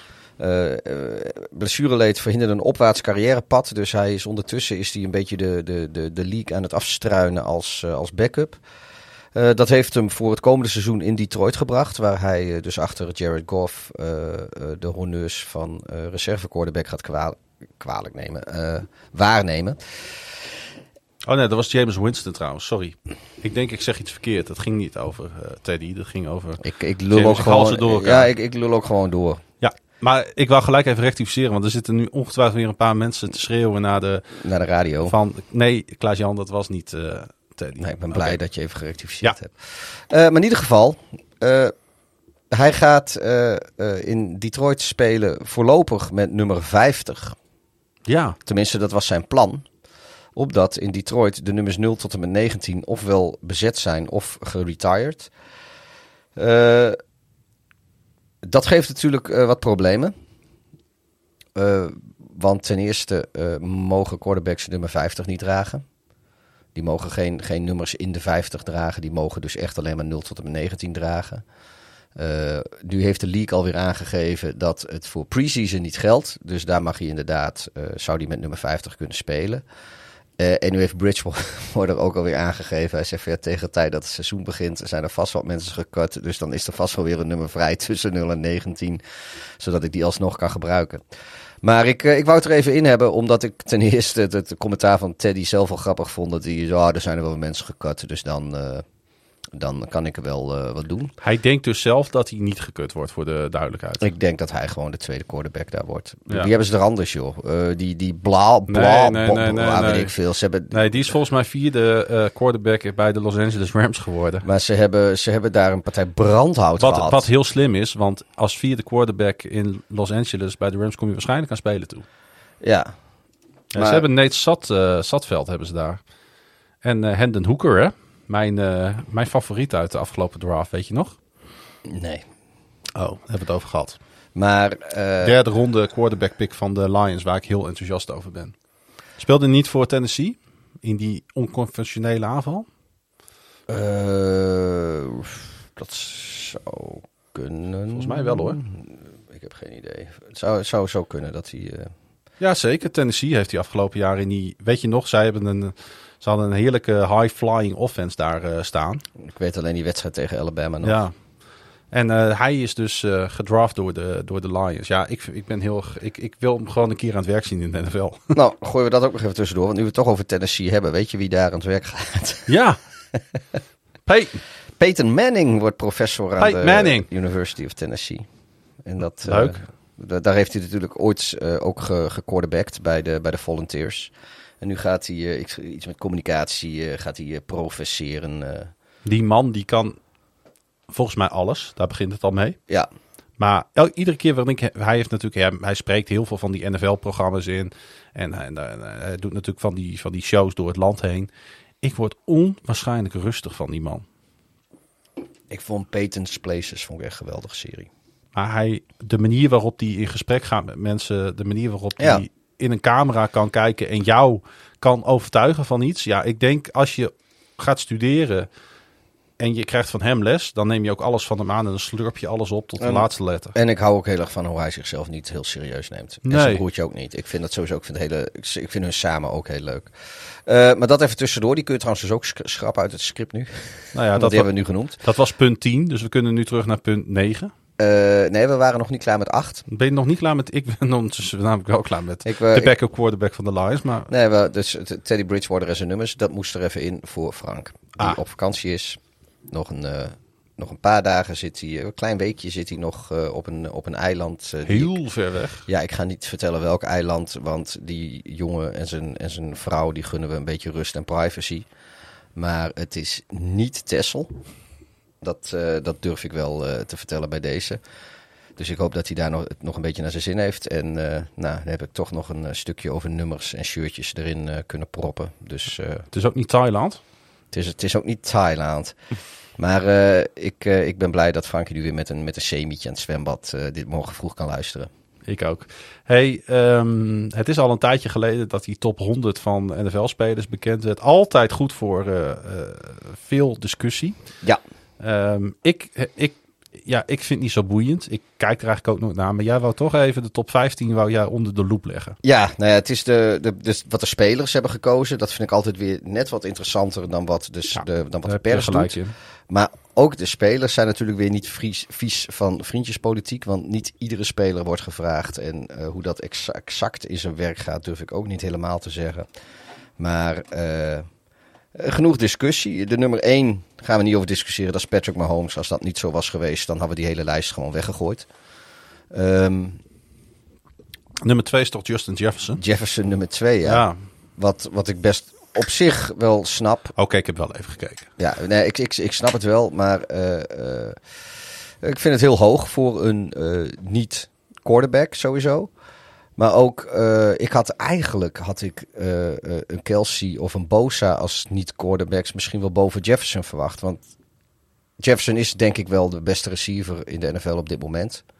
Ik denk Ja. dat dat niet... eh nou, dat is in ieder geval een, een, een, zaak voor te We maken. kunnen allemaal nog zijn catch in Buffalo van afgelopen Ja. seizoen herinneren. Aan de andere kant, ik, misschien kun je, kun je die discussie wel voeren. Is Jefferson onbetwist de beste receiver in NFL, NFL op dit moment? Of, of kun- zou je daar nog eventueel over te kunnen discussiëren?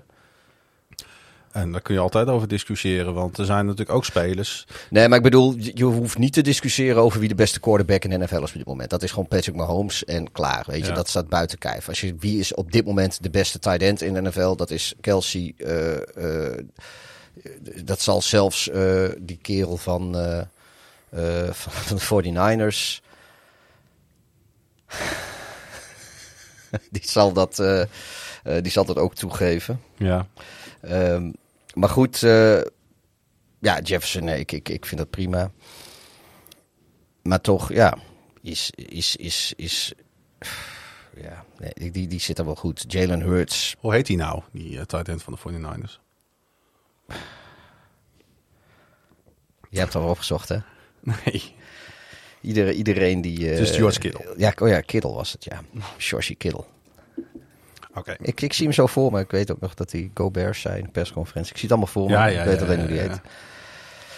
Ehm, ja, misschien heb ik ook wel long covid, joh. Hersenbeschadiging opgelopen. Ja, het is alleen maar erger Ja, het geworden. wordt, het wordt alleen maar erger, joh. Of misschien heb ik wel early onset. eh nou, gaan we ook niet mee spotten. Maar, eh, nou ja, kijk, Kelsey staat op vijf achter eh Hurts, Bosa. Eh Ja. Hurts op drie vind ik eigenlijk ook wel weer wat aan de hoge kant, moet ik zeggen. Die heeft toen een heel goed seizoen gehad vorig jaar. Maar eh, Ja, ik vind wel, Pieter, dat er een case te maken is als je... Ik weet niet of die op twee moet staan. Maar er is wel een case te maken, denk ik, dat Justin Jefferson de beste wide receiver in de NFL ja, is. Want Tyreek Hill heeft een gigantisch grote bek altijd. Maar heeft door omstandigheden natuurlijk niet kunnen laten zien in Miami afgelopen jaar. ja. Devante Adams is natuurlijk twee jaar lang is dat natuurlijk een, een, een moordwapen geweest voor Green Bay in combinatie met Aaron Rodgers. Is natuurlijk sportief gezien totaal naar de verkeerde club gegaan. Ja. Cooper Cup afgelopen seizoen geblesseerd geraakt. Ja, Ja. daarvoor natuurlijk fantastisch. ja, daarvoor was hij denk ik de beste. Eh CD Lamp heeft, eh, vind ik, Ja, in die- potentie Ja, maar dit, dit, dit- daartegen ja, aanschurkend. Ja, die, die, die had weer die stotterende offense. Ja, maar moet, eh, zou dit jaar eigenlijk zijn career eh, season moeten gaan draaien, vind ik. Ja. Eh, dus Chase, als je, Jamar Chase. ja, Ik bedoel, die staat niet eens in de top 15. Eh, ik, ik vind het misschien nog wel een beetje raar dat een, een, een Tyreek Hill en, en een Devante Adams... dat die boven Jamar Chase staan. Ja, het zou kunnen. Eh, maar ik vind het eh, Jalen Hurts Heeft boven, natuurlijk ook geen vol 2022 gespeeld. Nee, hè, dat is ook Jamar. Chase. eh, Jalen Hurts boven Joe Burrow. Is terecht? Joe Burrow boven. Nee, Jalen Hurts. Sorry? Jalen Hurts boven Joe Burrow. Ja, op basis van afgelopen jaar absoluut. Vind je terecht? Ik denk dat wat de Bengals aan het bouwen zijn, dat het misschien iets duurzamer is, eh, Joe Burrow, eh, dan Jalen Hurts bij de Philadelphia Eagles. Maar wat Hurts heeft laten zien was exceptioneel. Over, als dit alleen over afgelopen jaar gaat, wat hij heeft laten zien, de jump die hij heeft gemaakt met zijn team. Ik, eh, ik geloof niet dat het per se op 35 afgelopen... punten in de ik, Super Bowl op bord zetten. Ik geloof niet dat het, eh, dat het per se op afgelopen seizoen gebaseerd is. Volgens mij gaat het erom wie op dit moment de beste actieve speler is. Nou ja, dat, Maar ik- goed, ik- dan ik- recency bias doet dan mee Ik natuurlijk. kijk dan als je tussen twee seizoenen in zit na het vorige seizoen. En dan vind ik, eh, allereerst vind ik dus het wel terecht dat Justin Jefferson de beste wide receiver is. Maar ik vind niet terecht dat hij op nummer 2 staat. Ehm, Maar ik denk dat je je daar wel een klein beetje Ja. in kan vinden. maar dus de, Maar ik vind ook Stephon Dix eh, vind ik, eh, absoluut eh, in de mix. staat er niet eens in. Ehm, nou ja, Bosa, En misschien zelfs AJ Brown wel. Bosa staat er dus als beste verdediger in. boven Micah Parson, Chris Jones, Aaron Donald, Trent Williams en Fred Warner.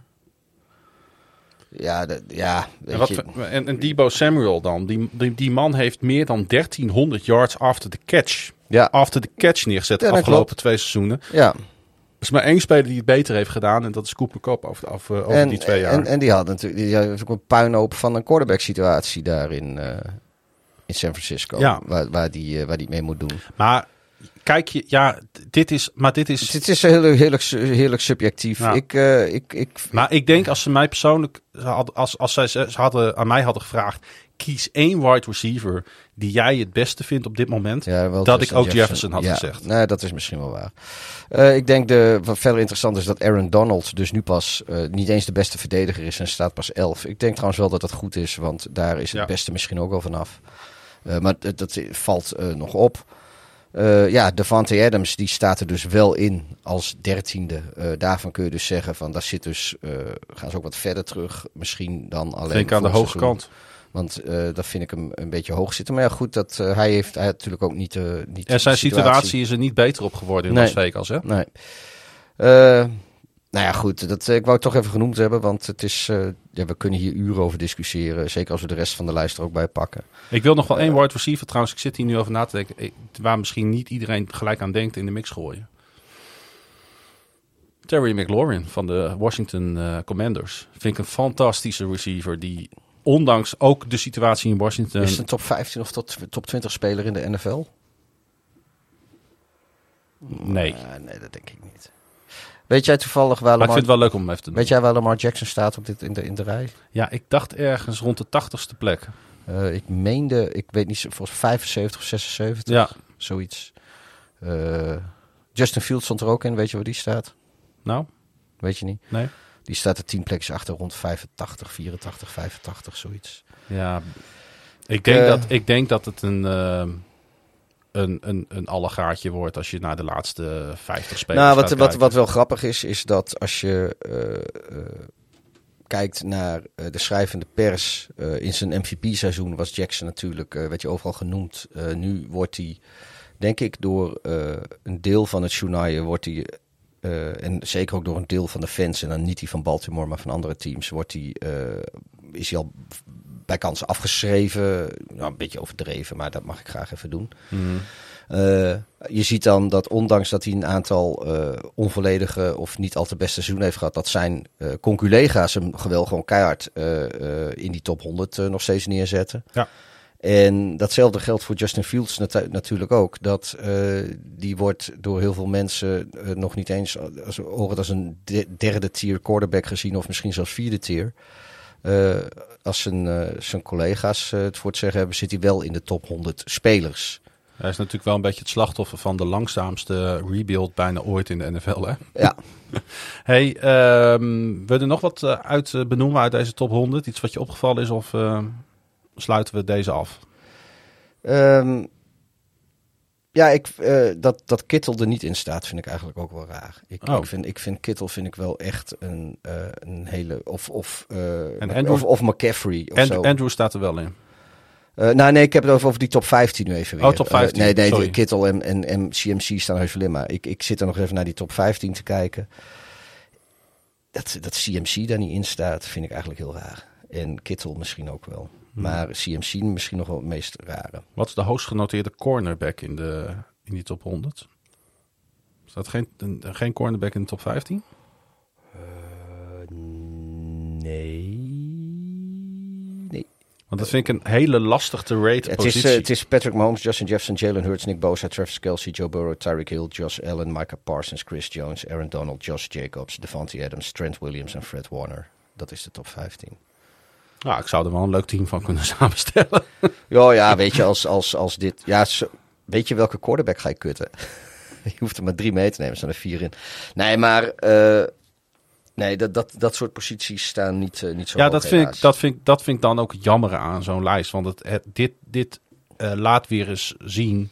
Het is ook deels populariteit natuurlijk. Tuurlijk, dat be- precies. Ik bedoel, ik, ik, best kans dat de Sean Watson, die had de sterren van de hemel kunnen spelen vorig seizoen. En best kans dat, Ja, dat hij er niet eens in Dat ze was. nooit ingestaan. Nee. Want Ik, ik begreep ook alweer dat eh, dat trainingskamp met de Eagles, waren de Browns aan het doen, dat eh, die heeft een aantal cheap shots gekregen, die eh, de Sean Watson van Eagles spelers. Gewoon omdat hij niet echt populair is. nee, nou ja, misschien is het ook wel terecht dat hij af en toe eens even wat pijn voelt. Hè? Dan weet kan hij, ook kan hoe dat naar de massagetafel. Hey, ehm er zijn weer. Ja, dit heb je al heel lang op. Dit vind jij heel belangrijk. Dit heb je al heel lang, al wekenlang op je lijstje staan voor deze Oh, aflevering. is dat zo? Ja, de spelers die eligible zijn voor de Hall of Fame. Ja, Pieter, geef is- nou toe, dat vind jij heel belangrijk. Ja, nou ja, ik, ik, ik, ik vind het belangrijk inderdaad Ja. om te weten wie, eh, wie er eh, in komend zomer eh, voor het eerst opgenomen Ik kunnen worden het. in je de Hall begint ook te stralen ja, opeens. Ja. Ben jij ook daar ook zo benieuwd naar? Hoeveel zijn het er?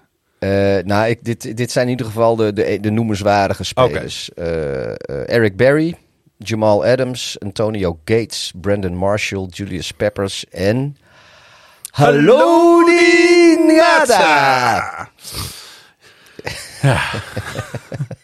Trouwens, ik zit dus die wedstrijd te kijken tussen de Eagles en de Ravens. Ja, Loopt er op een gegeven moment een speler bij de Eagles het veld op die Natta heet. Ik, ik noem hem na- niet Nada, maar Natta. Ja, net. eh toen werd jij ook een beetje net. eh En ik heb dat even uitgezocht. Ik ben, eh, het is een, een leuke That Man. Hij is geen familie, eh, direct in ieder geval, van Halodi. Eh, maar ja, trouwens volkomen terecht dat Halodi eligible is. Want Ja. wat een speler was dat. Maar jij noemt er een paar op. Noem die nou Antonio Gates? Ja. De, de, de former Charger. Ja. Ja, wat hebben we daar jarenlang van genoten. Maar Eric Berry, dat vind ik er ook een. Ik zei Ja. gelijk toen jij dit lijstje eh, een paar weken geleden opnoemde al van... Oh ja, Eric Berry, wat was dat een goede speler. Julius Peppers. Ja, ook. Jemig. Green Bay Packer legend Julius Peppers. Ja, maar ja, een fantastische Nou uh, ja, hij gaat erin, eh, denk ik, als Panther. Maar hij heeft natuurlijk ook Ja. een poos in Chicago gespeeld. Ja. Ehm, wat wel bizar zou zijn, eh, als Peppers en Gates, als die erin komen, Ja. dan eh, zijn dat de eerste Hall of Fame inductees die in het verleden een schorsing hebben gehad voor, eh, voor performance enhancing drugs. Hmm. Dus het zou ook maar zo eens kunnen dat Gates en Peppers er voorlopig helemaal niet in komen, omdat die schorsing van hun nog te vers zijn. En sowieso is die NFL daar een beetje raar altijd in met, hun, met dat soort zaken. Dus dat, eh, Maar dat opent dus wel deuren voor Halodi Natta. Ja, en, eh, en natuurlijk voor spelers die, eh, die de voorgaande kansen ze niet gekregen hebben. Ja. Devin Ja. Hester. Ja, Devin Hester. Ik, het lag inderdaad al op het puntje van mijn tong. Maar daar zijn we het allebei over eens. Ja. Dat zou dan de eerste returner worden die in de hof komt. hey, een speler die, waar ook een randje aan zit, maar denk ik ook een toekomstige Hall of Famer is, dat is Rob Gronkowski.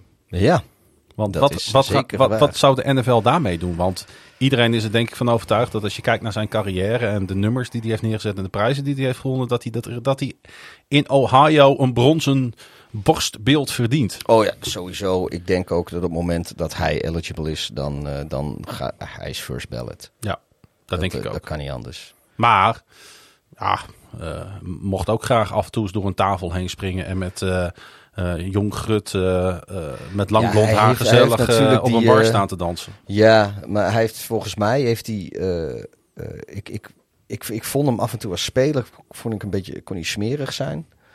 Eh, Ook smerig goed. Ja, ook smerig goed. Maar hij heeft natuurlijk. God, ik vergeet nooit meer die. eh, die eh, die People's Elbow eh, op het achterhoofd van, eh, van die White van de Bills staat me nog zo voor, eh, voor, de, voor het geestesoog. Ja. Dat vond ik echt een hele smerige overtreding. Ging, ging ook helemaal nergens over. Dat hij daar niet voor geschorst is, is eigenlijk eh, nog wel een beetje schande. Maar goed, eh, tegenwoordig eh, is hij een, een graag geziene gast bij verschillende eh, media outlets. Want eh, hij is een prettig iemand eh, om te interviewen volgens mij. Hij praat ook leuk. Hij neemt zichzelf niet al te serieus. Hij heeft wel wat te melden. Eh, Zullen we daar gewoon eens naar gaan luisteren en dan er even op reageren? zullen we dat eens doen? I love to do it though. Is it like open? Is I love it, to pretend that I can still play. Just makes me feel you good. could. You definitely could still play. No, I can't. I'm washed up. Who's the coach that But has I the, just like to pretend. Who's the coach that has the best chance to get you out of retirement? Um, Brian Dabow. Really? Yeah. Really? Not Sean McDermott? Interesting. Oh, my hometown team. Your favorite team. But Brian Dabow. Brian Dable Yeah. could get you out. What would he say if you called I mean, he What can't. would he, have to say he to you? can't get me out of retirement, but he would have the best chance to get me out of retirement. I mean, it could be you and Waller. Can you imagine that? That would be pretty wild. I always believe that having two tight ends is the best. The it makes the defense have the most difficult times. If you have two tight ends, I think that can make an offense unstoppable. And it's rare. I mean, if you go back to my days when I when I had another tight end with me, I mean, it just makes the offense just prolific, just unstoppable. It gives you so many more options in the run game and the pass game and play action. Brian Dable. Brian Oh, yeah. Mm. Interesting. Hij, hij, hij, is, hij, een beetje, Hij, eh, hij praat hij is niet een beetje zoals hij, verliefd op eh, Brian Dable. hij, eh, hij praat niet zoals hij speelt. Nee. Want dan was het "Oh, Brian Dable! Maar, wat, Sorry voor de luisteraars met een koptelefoon. ik krijg ook in één keer allemaal rode signaal op mijn bord hier. Nee, maar het is wel grappig. Want nee, maar je merkt met hoeveel waardering en hoeveel liefde hij dus voor deze voormalig tight end coach van de Patriots praat. Ja, Want terwijl die eh, op zich, eh, maar zeg ik eh, met, met air quotes, wat de luisteraars niet kunnen zien, daarom vertel ik het maar even. Maar drie jaar tight end coach is geweest bij de Patriots 2013, 2016. Maar schijnbaar jaar. een onuitwisbare vriendschap is daar Ja. aan, aan, aan overgehouden. Ja, Dat is wel grappig. Maar ja, het is altijd leuk om naar Gronk te luisteren. Maar en ook naar Kate trouwens. Ja, ik, ik vind het wel mooi dat, eh, want het is natuurlijk ook een soort running gag. eh, of Gronka iedere, want dat doen we al een paar jaar, komt hij wel of niet uit retirement en nu dan weer. En hij zegt van ja, weet je, ik vind het gewoon leuk om, om, om net te doen alsof ik het nog kan, dat spelen. Maar hij weet zelf ook wel dat dat, dat er niet meer in zit. En nou ja, ik vond het ook wel op. Ik, ik had het idee dat hij eigenlijk de naam van eh, Aaron Hernandez wel wilde noemen Ja, dat als, zijn, eh, ja. als zijn partner in crime op de tight end positie destijds bij de Patriots. Maar eh, volgens mij eh, bedacht hij zich op het laatste moment dat hij dat beter niet kon doen. Vond ik ook wel grappig. Mooie woordspeling, partner in crime in dit geval. Ja. We gaan naar de luisteraars vragen. En daar hoort een muziekje bij. Want eh, Richard die kwam op de Instagram binnen. En die wil het eh, graag met ons hebben over de Colts. Nou ja, hij wil misschien dat wij het met z'n tweeën gaan hebben over zijn Colts. Zijn favoriete team in de NFL. Eh, hij zegt, eh, ja de Colts hebben Anthony Richardson gelijk benoemd als starting quarterback. Hadden ze hem niet beter wat meer opwarmtijd kunnen geven? Laat ik dan een wedervraag stellen. Ja, Wie had er dan moeten starten voor Nou, de Colts? dat is exact de vraag die ik mijzelf ook stelde toen deze vraag binnenkwam. Ik bedoel, kijk, je hebt teams die een quarterback draften eh, uit omdat het kan. In de hoop dat ze een paar jaar later eh, die quarterback ingewerkt hebben en dat hij dan voor ze kan starten. Wat de Texans en de Panthers hebben gedaan eigenlijk. Uh, wat, wat Green Bay heeft gedaan met Love destijds. Ja. eh, eh, wat de, de Patriots met Brady veel langer geleden hebben gedaan. Wat de Packers ook gedaan hebben met Rodgers trouwens. Eh, weet je, zo zijn er wel meer eh, teams. Vaak zie je dan ook, als het, ook al is dat het plan, dat ze dan na een paar wedstrijden, vooral als het niet goed gaat, dan ehm, eh, komt de druk alsnog en dan zal hun rookie alsnog gaan starten. Maar de Colts die hebben een quarterback gedraft, eh, omdat het was absoluut een bittere noodzaak. En ze wisten van, nou, vond ook direct al dat dat waarschijnlijk de beste quarterback in het huis zou zijn. Hij heeft een eh, kwartje in de oefenwedstrijd gespeeld tegen de Bills. Ehm, en dat was voor de nieuwe headcoach van de Colts eh, schijnbaar genoeg. Dat is eh, Shane Steigen. Hè, inmiddels 13 jaar coachervaring, 12 jaar in de NFL. En vorig jaar hebben we hem natuurlijk leren kennen vooral als de offensive coordinator van de Philadelphia Eagles. Die zo succesvolle aanval van de Philadelphia Eagles. Richardson hè, was de vierde draft pick van dit jaar. En hij wordt dus dit seizoen onmiddellijk de starter van de Colts. Maakte Shane Steigen dinsdag bekend. En, Ja, hij liep ook al lekker over iedereen heen. eh, ja. Eh, In, ik, die, eh, in, dat, in, dat, in dat stukje dat hij speelde. ik vond hem niet eh, schokkend goed spelen. Hij was 7 uit 12, zeg ik uit mijn hoofd, voor Ik ga hem, ik ga hem, eh, de- 67 yards. ik ga hem komende friendly, ronde friendlies ga ik hem uitgebreid scouten. Ja, ik hoop dat hij nog wat speeltijd krijgt, want ze gaan natuurlijk wel een beetje voorzichtig met hem zijn. Nou, het is, het is een rookie. Hij moet gewoon spelen. Hij, moet, hij, hij krijgt sowieso waarschijnlijk een kwart weer of zo. hoor. Want je hebt ten eerste maar drie. Maar het is een hele andere situatie dan bijvoorbeeld bij de Texans, waar natuurlijk Davis Mills nog steeds in de running is om toch gewoon te starten Uh-huh. in dit seizoen. Eh, maar Gardner Minshew of Anthony Richardson is een no-brainer. Of valt het eigenlijk ook nog wel een beetje mee? Nee, ik, ik, ik, ik denk dat eh Minshew die zit daar eh, niet om de startrol, eh, eh, startersrol te gaan, gaan doen. Nee. Eh, dat is echt Richardson. En kijk, vroeger had je natuurlijk vier eh, wedstrijden. En dan was het met de rookies. Eh, en dan vooral, maar en, en de spelers die gaan starten. En dan vooral de wat jongere spelers, veteranen niet altijd. Die speelden vaak één of twee drives in de, eh, in de eerste wedstrijd. Die speelden één of twee drives in de tweede wedstrijd. Of die zitten op een snap count, dus ze kunnen 10, 15, whatever, een aantal snaps. Dan vaak meer dan een kwart in de derde. Soms een hele helft. En dan helemaal niet meer in de vierde. Maar als je dat bij elkaar optelt, dan eh, zijn dat eh, iets meer dan twee volledige kwarten sowieso. En misschien wel drie hele kwarten. Nou, nu hebben ze een wedstrijd minder. Ervan uitgaande dat eh, de derde week nog steeds gebruikt gaat worden om de laatste roosterplekken op te vullen. Zullen dan de starters waarschijnlijk helemaal niet meer spelen. Maar zo'n zo'n Richardson, die moet echt speeltijd hebben. Ja. Dus die gaat, denk ik, sowieso weer een kwart spelen dit weekend. Misschien wel wat langer zelfs. En eh, ik sluit niet eens uit dat hij eh, in de derde eh Preseason Friendly ook nog even in actie komt. Maar dat zal een beetje te maken hebben met ook hoe die dit weekend voor de dag komt, gok ik. Ja, ik denk dat het nog met wat anders te maken heeft. Wat ook, want ik denk dat de voorgeschiedenis van deze quarterback ook belangrijk is om te benoemen. Want ehm, sinds zijn laatste seizoen op Eastside High School in Gainesville, Florida, waar hij dus naar high school is geweest. eh, hoeveel starts denk je dat hij heeft gemaakt in de tussenliggende jaren? Dus tussen high school en de NFL in. Meer of minder dan Trey Lance. In college, hè? Ja? Ik weet niet hoeveel Trey Lance er gemaakt heeft aan mijn hoofd. Volgens mij nog geen tien. Nou ja, hij, hij, hij zit op 14. Oké. 14 starts sinds zijn laatste seizoen op high school. Eh, ja, dan snap ik ook die vraag van, wie was het ook alweer? Van Richard, beter, over die Ja. Opwarmtijd. Nee, maar ik denk dat... eh, ehm, Maar het is wel een beetje now or never natuurlijk. Want de Colts hebben natuurlijk sinds eh, ja, het ongelukkige pensioen van Andrew Locke lopen kloten met quarterbacks. ja. Niets is gelukt. Het is niemand gelukt. Ehm, dus ze hebben al hun hoop gevestigd op wel deze, denk ik, ontzettend leuke quarterback om naar te gaan kijken komend jaar. Ja, ik hoop wel dat hij een beetje heel blijft. Want eh, Ja. alles en iedereen die ze achter die O-line in Indianapolis gegooid hebben... die ging, ging dood of was al bijna dood. En heeft, eh, heeft een genadeslag daar gekregen. Ik hoop dat dat met Richardson niet zo is. Trouwens, nu we het hebben over bijna dode quarterbacks in, in, in Indianapolis... Weet jij wel dat eh, Philip Rivers bijna de Super Bowl gespeeld had? Nee.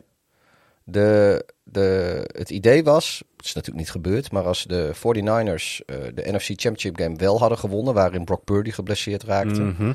als dat onverhoopt was gebeurd, dan zou Philip Rivers eh, opgebeld zijn om eh, de Super Bowl te gaan spelen voor de 49ers. Dat is zowel vanuit Camp Rivers als vanuit San Francisco is dat eigenlijk min of meer wel bevestigd, begreep ik. Kwam ik van de week even ergens tegen. Ja, als ik Schiet zo- me nu, ik had wat het hier een eigen itempje haast van kunnen maken, maar het schoot me nu in één keer als te binnen. maar als ik hier zo even drie seconden over nadenk. eh, ja, vind ik dat eigenlijk nog volkomen logisch ook. Ja, kijk, de, ik denk, we, we lachten Rivers allemaal een beetje uit in die laatste playoff-wedstrijd in Buffalo namens de Colts. Ja, toen maar de dat- bal niet meer eh, over 20 yards gegooid kreeg. Maar laten we, kijk, dat, dat hoeft niet, want je geeft de bal daar gewoon in de handen van CMC of Debo. Ja. En la, dat, dat, dat 49er-team, dat is dusdanig goed dat zelfs het opgewarmde lichaam van Philip Rivers daar, eh, daar wel wat mee had gekund. Misschien hadden ze achteraf, hadden ze misschien al voor de eh, NFC Championship Game op moeten roepen. Ik, zeg niet dat ze dan gewonnen hadden, zeker niet. Maar eh, ik vind het, vond het even een leuk feitje, Ja. nu we het toch over oud Colts quarterbacks hadden. Absoluut.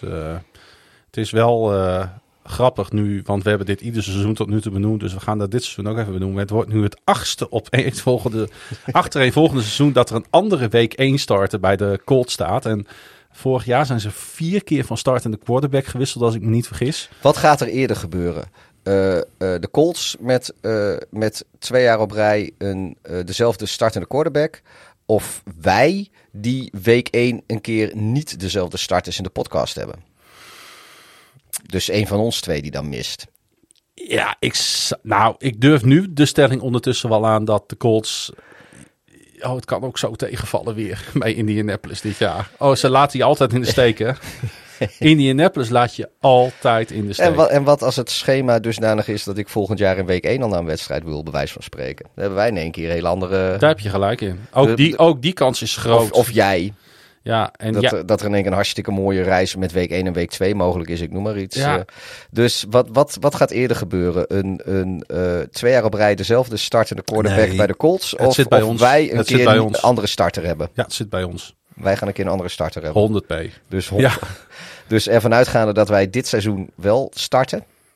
eh, dan is volgend jaar Richardson alweer weg in Indianapolis of geblesseerd. ja. Oké. Nou, staat genoteerd. Ze hebben daar ook een fles Salmari op. Ja. Dan zeg ik dat wij eerder een andere samenstelling hebben. En gaan we weer de oude Jonathan Taylor zien, eh, vraagt diezelfde Richard via Instagram. Want eh, ja, we kunnen er wel van alles over zeggen over Richardson en Indianapolis. Maar Taylor is natuurlijk nog steeds met afstand de belangrijkste speler Ja, in de aanval van de, van de Colts. ja.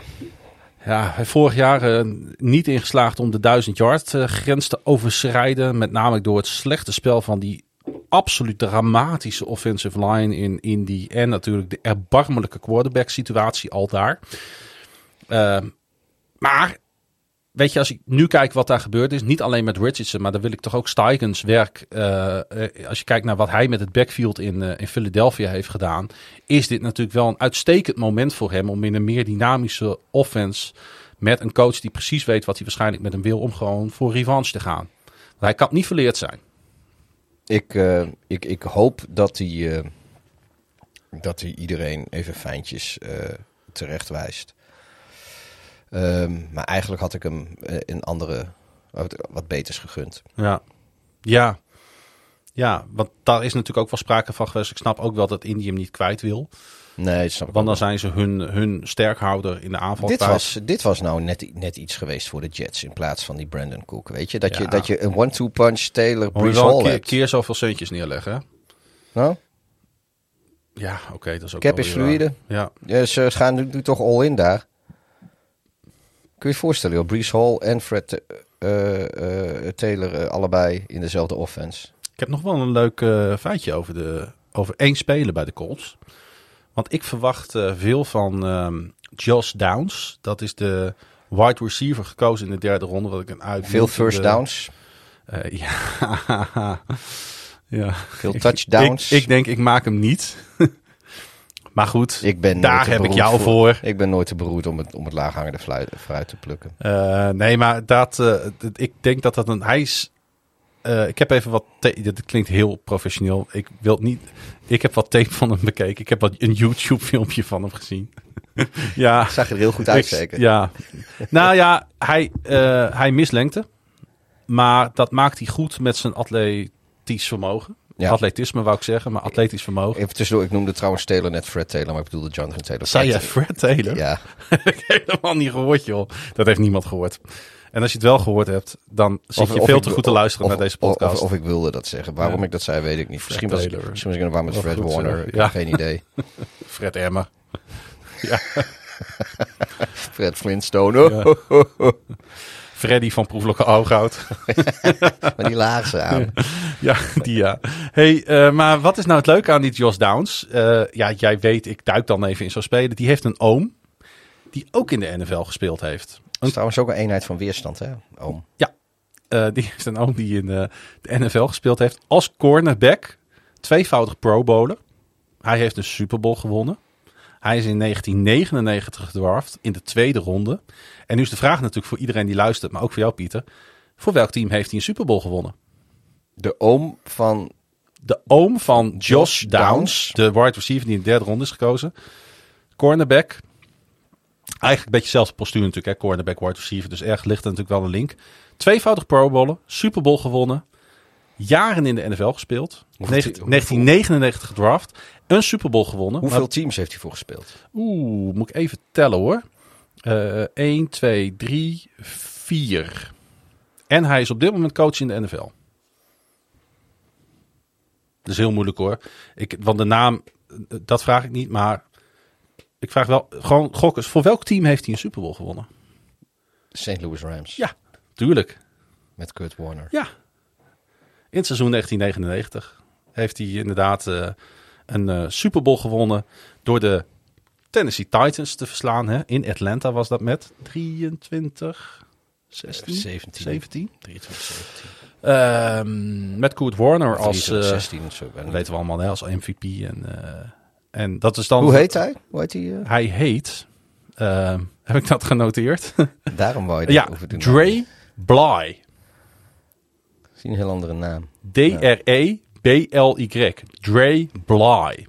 Ehm, en ik zat trouwens, wie was headcoach bij de Titans tijdens de Super Bowl? Pieter? Eh, Fisher. Ja, Jeff Fisher. die natuurlijk later headcoach bij de Rams zou worden. Ja, de, de, de Mr. 88. leuk. ja, dat altijd wel leuk hè. Eh, hij speelde van 99 tot 2002 bij de Rams. Daarna ook nog voor de Lions, de Broncos en de 49ers. En hij is nu cornerbacks coach bij de Detroit Lions. En de man heeft me wat genoteerd in die ehm, Wie was, NFL. trouw- wie was trouwens de hoofdcoach van de Rams, dat, eh, die Super Bowl? Weet je dat nog? Grijs haar, brilletje, ziet hem zo staan aan de zijlijn. Ja, weet nee. Dick Vermeil. Dick Vermeil, ja. Ja. Verdorie, ja. Nou, je het zegt. Maar deze Bly, hey, in zijn carrière 20 forced fumbles, 9 fumble recoveries, 43 intercepties en 8 touchdowns als cornerback. Een indrukwekkende staat van dienst. Dus als deze Josh Downs maar iets is toch een soort, Heeft eh, wat soort zijn mini oom Who's ook That had. Ja. Toch een Who's That mannetje. Ja. Hebben we dat liedje nog ergens? Hebben we die maar opstaan, hè? Nou, weet ik eigenlijk niet. Volgens mij niet. Volgens mij hebben we die eraf gehaald. Eh, hebben we trouwens uh, Zack Miller er nog wel op staan? Dan moet ik even, even kijken hoor. Volgens mij ook niet. Volgens mij is het er allemaal afgehaald, want ze hebben ergens op bankje 2 hebben ze helemaal volgetiefd met zooi.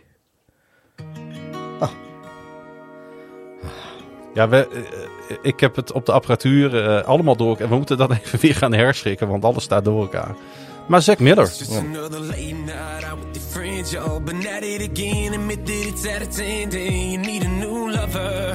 Heerlijk samenhangende uitzending hebben we. Cover. Goed.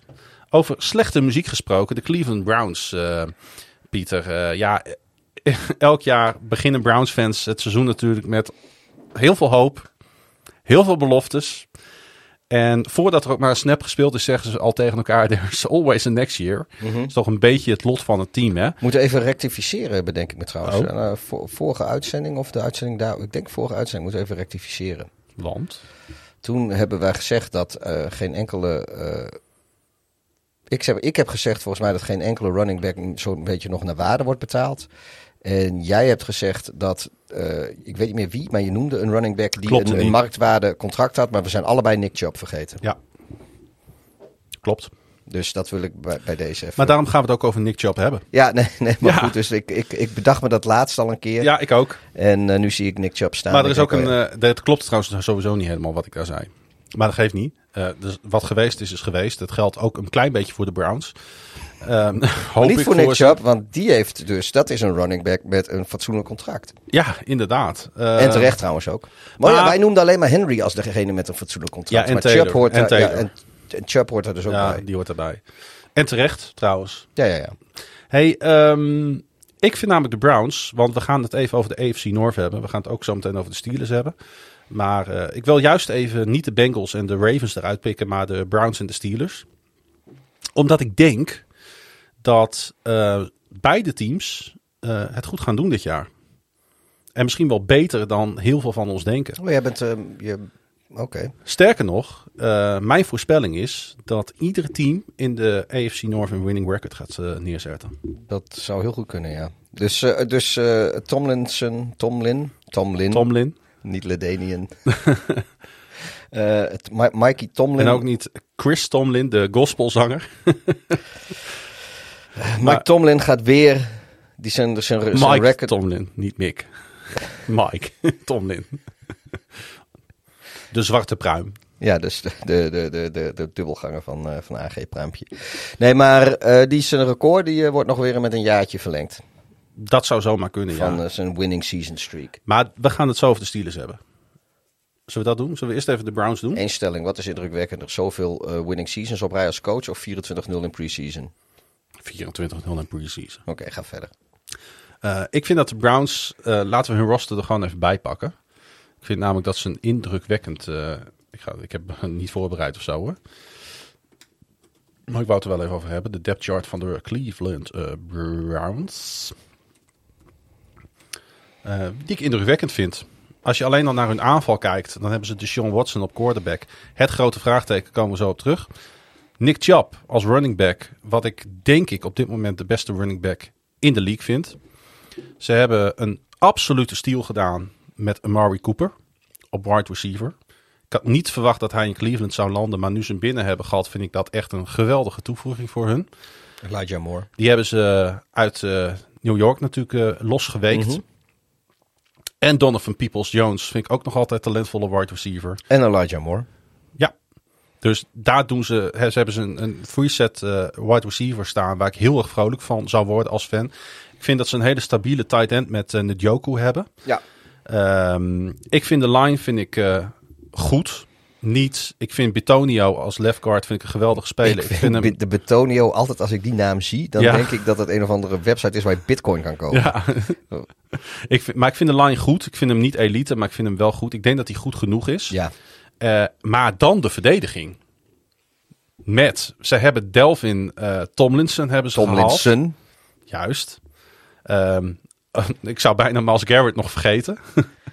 maar die staat daar toch ook even al heel wat jaar, jaartjes te shine als een absolute top 20 speler in de NFL. Darius Smith. Nou, die hebben ze binnengehaald, jongens. Ze hebben gewoon, ze hebben gewoon op, op, op rechts hebben ze en Jordan Elliott staan en Darius Smith. Nou, dan hebben ze... eh, hebben ze eh, ook nog even Jeremiah Owusu Koramoa als ook, linebacker. ook geen misselijke speler. En wat dacht je van die, die, die Taki Taki, waar wij het al eerder over hebben gehad? Sione Taki Taki. Die, weet je nog, werd uitgefloten door het publiek. Die heeft zich ontwikkeld tot een absolute starter in de NFL. Ja. En als je naar zijn eh, cijfers kijkt over afgelopen jaar. Die jongen die is sneaky. Is hij een van de betere eh, linebackers in de NFL aan het worden. Ik zit even trouwens te kijken. Denzel Ward staat er ook nog. Ze hebben daar ook, ook gewoon En zo- wat dacht je van eh, Greg Newsom op, op cornerback? eh? Ja, ja, ja. Maar ik zit er ook gewoon te kijken. Ze hebben daar ook gewoon een paar namen. Dat, dat En Kate York als kikker trouwens ook niet verkeerd. Nee, maar ik, ik zie ze hebben ook gewoon namen waarvan ik denk van ja, als je, als je dat, lijkt in ieder geval heel veel op andere bekendere spelers, zowel qua eh, Anthony Bell, AJ Green III, Tony Fields II. Ik, weet, ik vind ik- die, die, ik vind die namen alleen al eh, Charlie Thomas III hebben ze dan weer. Maar het zijn ook echt, echt eh Baba Bolden. Derrick Kelly. Maar het zijn allemaal hele bekende NFL-achternamen ook gewoon, Ja. trouwens. Ja. Baba Bolden natuurlijk, eh zou maar zo familie kunnen zijn van eh Een- Anquan Bolden. Ja. En eh, nou ja, AJ Green. Die wij trouwens ontmoet hebben. Ja, we hebben de hand geschud, ja. Maar dat is trouwens Bolden. Dit is Bolden. Maar, Goed. Een kniesoor. Maar Een kniesoor. Dat, dat luisteraar die hoort dat toch niet? Wat dacht je van Tannen McAllister, die in uh, Ho- Home Alone heeft gespeeld? was toch de familie McAllister? Zou het zomaar zo Ja, kunnen. volgens mij wel. En Mohamed eh, diabetes. Lorenzo Burns, dat is net Lorenzo Burnett. Jezus, dit het niveau. Oké, maar is serieus. Ik, eh, Sam Camara. ik vind dat ze... eh, die is, mag de eerste drie wedstrijden wel spelen. Ja, dat is waar inderdaad. Maar even, eh, ik heb het... Ik, eh. Nee, ze, ze, ze kunnen het serieus gewoon best... eh, En ze hebben het ook, vind ik in free agency, ontzettend goed gedaan met dus Tomlinson en Thornhill. eh, en die defensive end. Jongens, ga die jongen in de gaten houden. Ook Bonio, Okoronkwo. Die heb ik getipt vorig jaar toen we het over de Houston Texans hebben gehad. Als de speler die je sneaky voor heel weinig geld in je team kan opnemen. Maar die bij Houston Texans echt fantastisch gedaan heeft. Hebben ze voor drie jaar en 19 miljoen hebben zij een defensive end waar ze jaren plezier aan gaan beleven. Dus ik word eigenlijk heel vrolijk van het beleid. Oh, als ik Browns fan zou zijn. eh, wat ze daar voeren, los van de John Watson. Ik zie dat zij als eh, voorlopig als derde quarterback Kellen Mond hebben. Is die niet gedraft door de Vikings eh, een paar jaar geleden? Dat dacht ik wel, ja. Dat is, daar is hij ook weer weg. Dus ja, Vikings ja. 2021. Maar ik, ik heb eigenlijk best wel hoop voor dit team. Het enige wat mij eh, een beetje tegenhoudt om ze in de 10, 11, 12 win column neer te zetten, is het grote AFC. vraagteken. Ze zitten en in de AFC en ze zitten in de AFC North. Maar toch ook eh de Sean Watson. Ja, die, heeft, eh, die schijnt ook in, in, de, in het oefenwedstrijdje of in de trainingskamp. En in de, was het weer niet zo best. Nee. En hij heeft natuurlijk, ja, dat is geen geheim, dat weten we allemaal, verschrikkelijk veel geld gekregen. Hij heeft veel te veel geld ook gekregen. Ja. Maar eh, hij moet het nu wel gaan ma- waarmaken dit jaar, Pieter. Want hij heeft nu een heel off-season kunnen draaien. Hij heeft een heel playbook kunnen samenstellen met zijn team. En hij heeft een heel trainingskamp met zijn team gehad. Hij heeft invloed kunnen hebben op alle draft picks, op alle free agent signings. Eh zo langzamerhand moet, eh, moet die, die eh, holdout en die schorsing moet ook maar eens... er is ook geen excuus meer. Nee, want dat was natuurlijk afgelopen jaar zijn roestige spel was dat nog wel eh, enigszins een, nou ja, konden we dat opvoeren in ieder geval. Ja. Van, Eh, van, joh, die man die heeft eh, anderhalf, twee jaar lang nou, nog nauwelijks een bal van betekenis gegooid. Nou ja, hij had bij de Texans had hij gemiddeld bijna 270 yards per game. In de zes wedstrijden die hij heeft gespeeld bij de Browns waren het er 184. Dus dat zijn er bijna 100 minder. Dat is echt een heel groot verschil. Ja. En zijn completion eh, percentage is ook met 10% afgenomen. Dus dat, eh, maar dat is, attempts is 100 minder. Eh, Ehm, dus- want dat kan natuurlijk ook gewoon zijn. 100 yards minder, hè? Oh, ja, Dus yards, niet per, per wedstrijd. Ja. Oh, ik dacht, ja, oké, ja. Ik moet wel zeggen, de wedstrijden, hij is natuurlijk laat in het seizoen begonnen. Hij heeft heel veel in winterse omstandigheden in Cleveland gespeeld. Dat zou je mm, klein, maar dat is geen 100 yards verschil natuurlijk. Nee, Ehm, ja, ik ben, eh, ik ben wel benieuwd naar deze Browns. Ze gingen vorig jaar eh 7-10, dus 7 eh, overwinningen, 10 nederlagen in die moeilijke divisie. Eh, kijk, het is natuurlijk logisch om de Browns te negeren. Maar hoe meer ik naar hun roster kijk, hoe meer ik de upside van dit team ga zien. ja. Eh Bet MGM had ze aan het begin van offseason op 9,5 staan. En toen ik dat zag, dacht ik van, daar zou ik altijd onder gaan zitten als ik hierop moet inzetten. Maar ik begin steeds meer te snappen waarom ze dat, eh, ja, waarom ze 9, op 9,5 zijn gestaan. Want ik Ja. denk dat ze goed genoeg zijn voor 9,8. Nou, dan is 9,5 dus een hele goede quotering vanuit de betting om, eh, om op in te zetten. Ja, nee, dat is waar. En ze hebben Nick Chubb. Ja, Ehm, en daar kon je ook op inzetten. Want eh, ze zien eh, de, de betting ziet op dit moment in Nick Chubb de grote favoriet om Offensive Player of the Year te worden. En hij heeft natuurlijk eh, eh, de NFL al aangevoerd in rushing. Dat zou zomaar dit jaar ook kunnen gebeuren. Waarom? Hij heeft geen concurrentie. Backups Kareem Hunt en Dearness Johnson zijn allebei vertrokken. Dus het zal nu echt op hem aankomen. Hij heeft al vijf jaar op rij gemiddeld minstens 5,0 yards per carry neergezet, deze jongen. Nick Ik, eh, ik denk niet dat hij de, de offensive player of the year is. nou ja, Ik zou er geen geld op inzetten. Ik, eh, ik, ik, ik, nee. hij wordt dus wel getipt vanuit de bettingwereld als kans hebben daarvoor. Ja, mensen willen sowieso natuurlijk dat je er geld op in gaat zetten. Ja, dat weet ik wel. Nou, nee, maar ik, ik, ik, dat lijkt me iets te veel van het goede. Maar eh, dat, dat, dat de, de Browns. Ja, ik denk het grootste probleem van de Browns is. is eh, ja, wat zeg maar buiten hun eigen eh, invloed is. Is de divisie en de, en de conference waar ze in zitten. Het is gewoon heel zo gewoon lastig. Ja, en, en, en is er ook nog zoiets als als je eenmaal bij een franchise komt te spelen die niet zo goed weten wat winnen is, dan sluimen dat toch door? Ja, maar eh, kijk, het is ook. Ze, ze hebben in de vijfde week al een bye week. Dus dan beginnen ze Cincinnati, Pittsburgh, Tennessee, Baltimore. Nou, dat is een eh, vrij pittig programma om te, om te beginnen, denk ik. Drie, eh, drie divisiewedstrijden in, in je eerste vier. Ik denk dat de In Browns je eerste vier weken. van alle drie hun divisiegenoten één wedstrijd gaan winnen. Ja, maar goed. eh, je speelt in de eerste vier weken speelt tegen, eh, heb je al drie divisiewedstrijden gehad. Mhm. En Tennessee. Nou ja, en dan is die bye week geweest. En ja, en dan eh, gaat het gewoon. Ja, ze moet, ze moet meteen San Francisco, dan Indianapolis, Seattle, Arizona, Baltimore, Pittsburgh, Ja, Denver, is- Los Angeles, Jacksonville, Chicago. Dat is niet simpel. Eh, vooral Chicago niet. Houston, New York, Cincinnati. Nee, maar ik, ik, het, er zit, het is niet.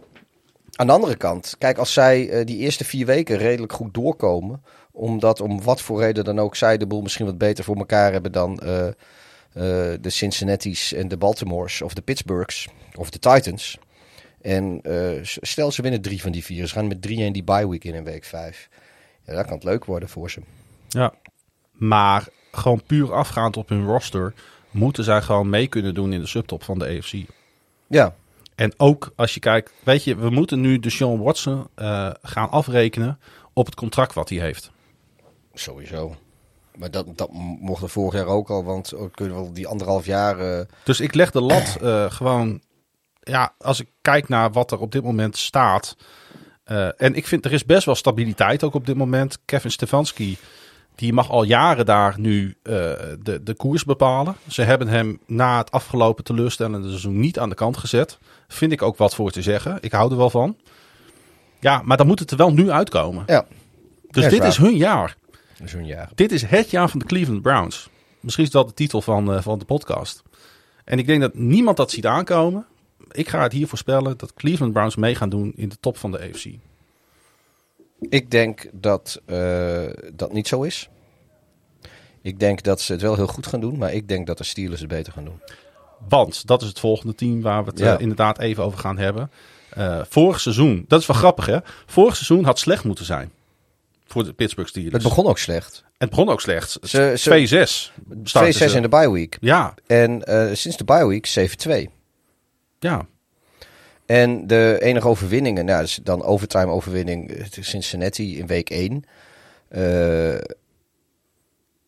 en Tampa Bay. Nou, dat zijn vooral dat Tampa Bay vorig jaar, weet je, niet de meest indrukwekkende overwinning die je kan pakken. Nee. Maar ze verloren echt eh, van alles en iedereen.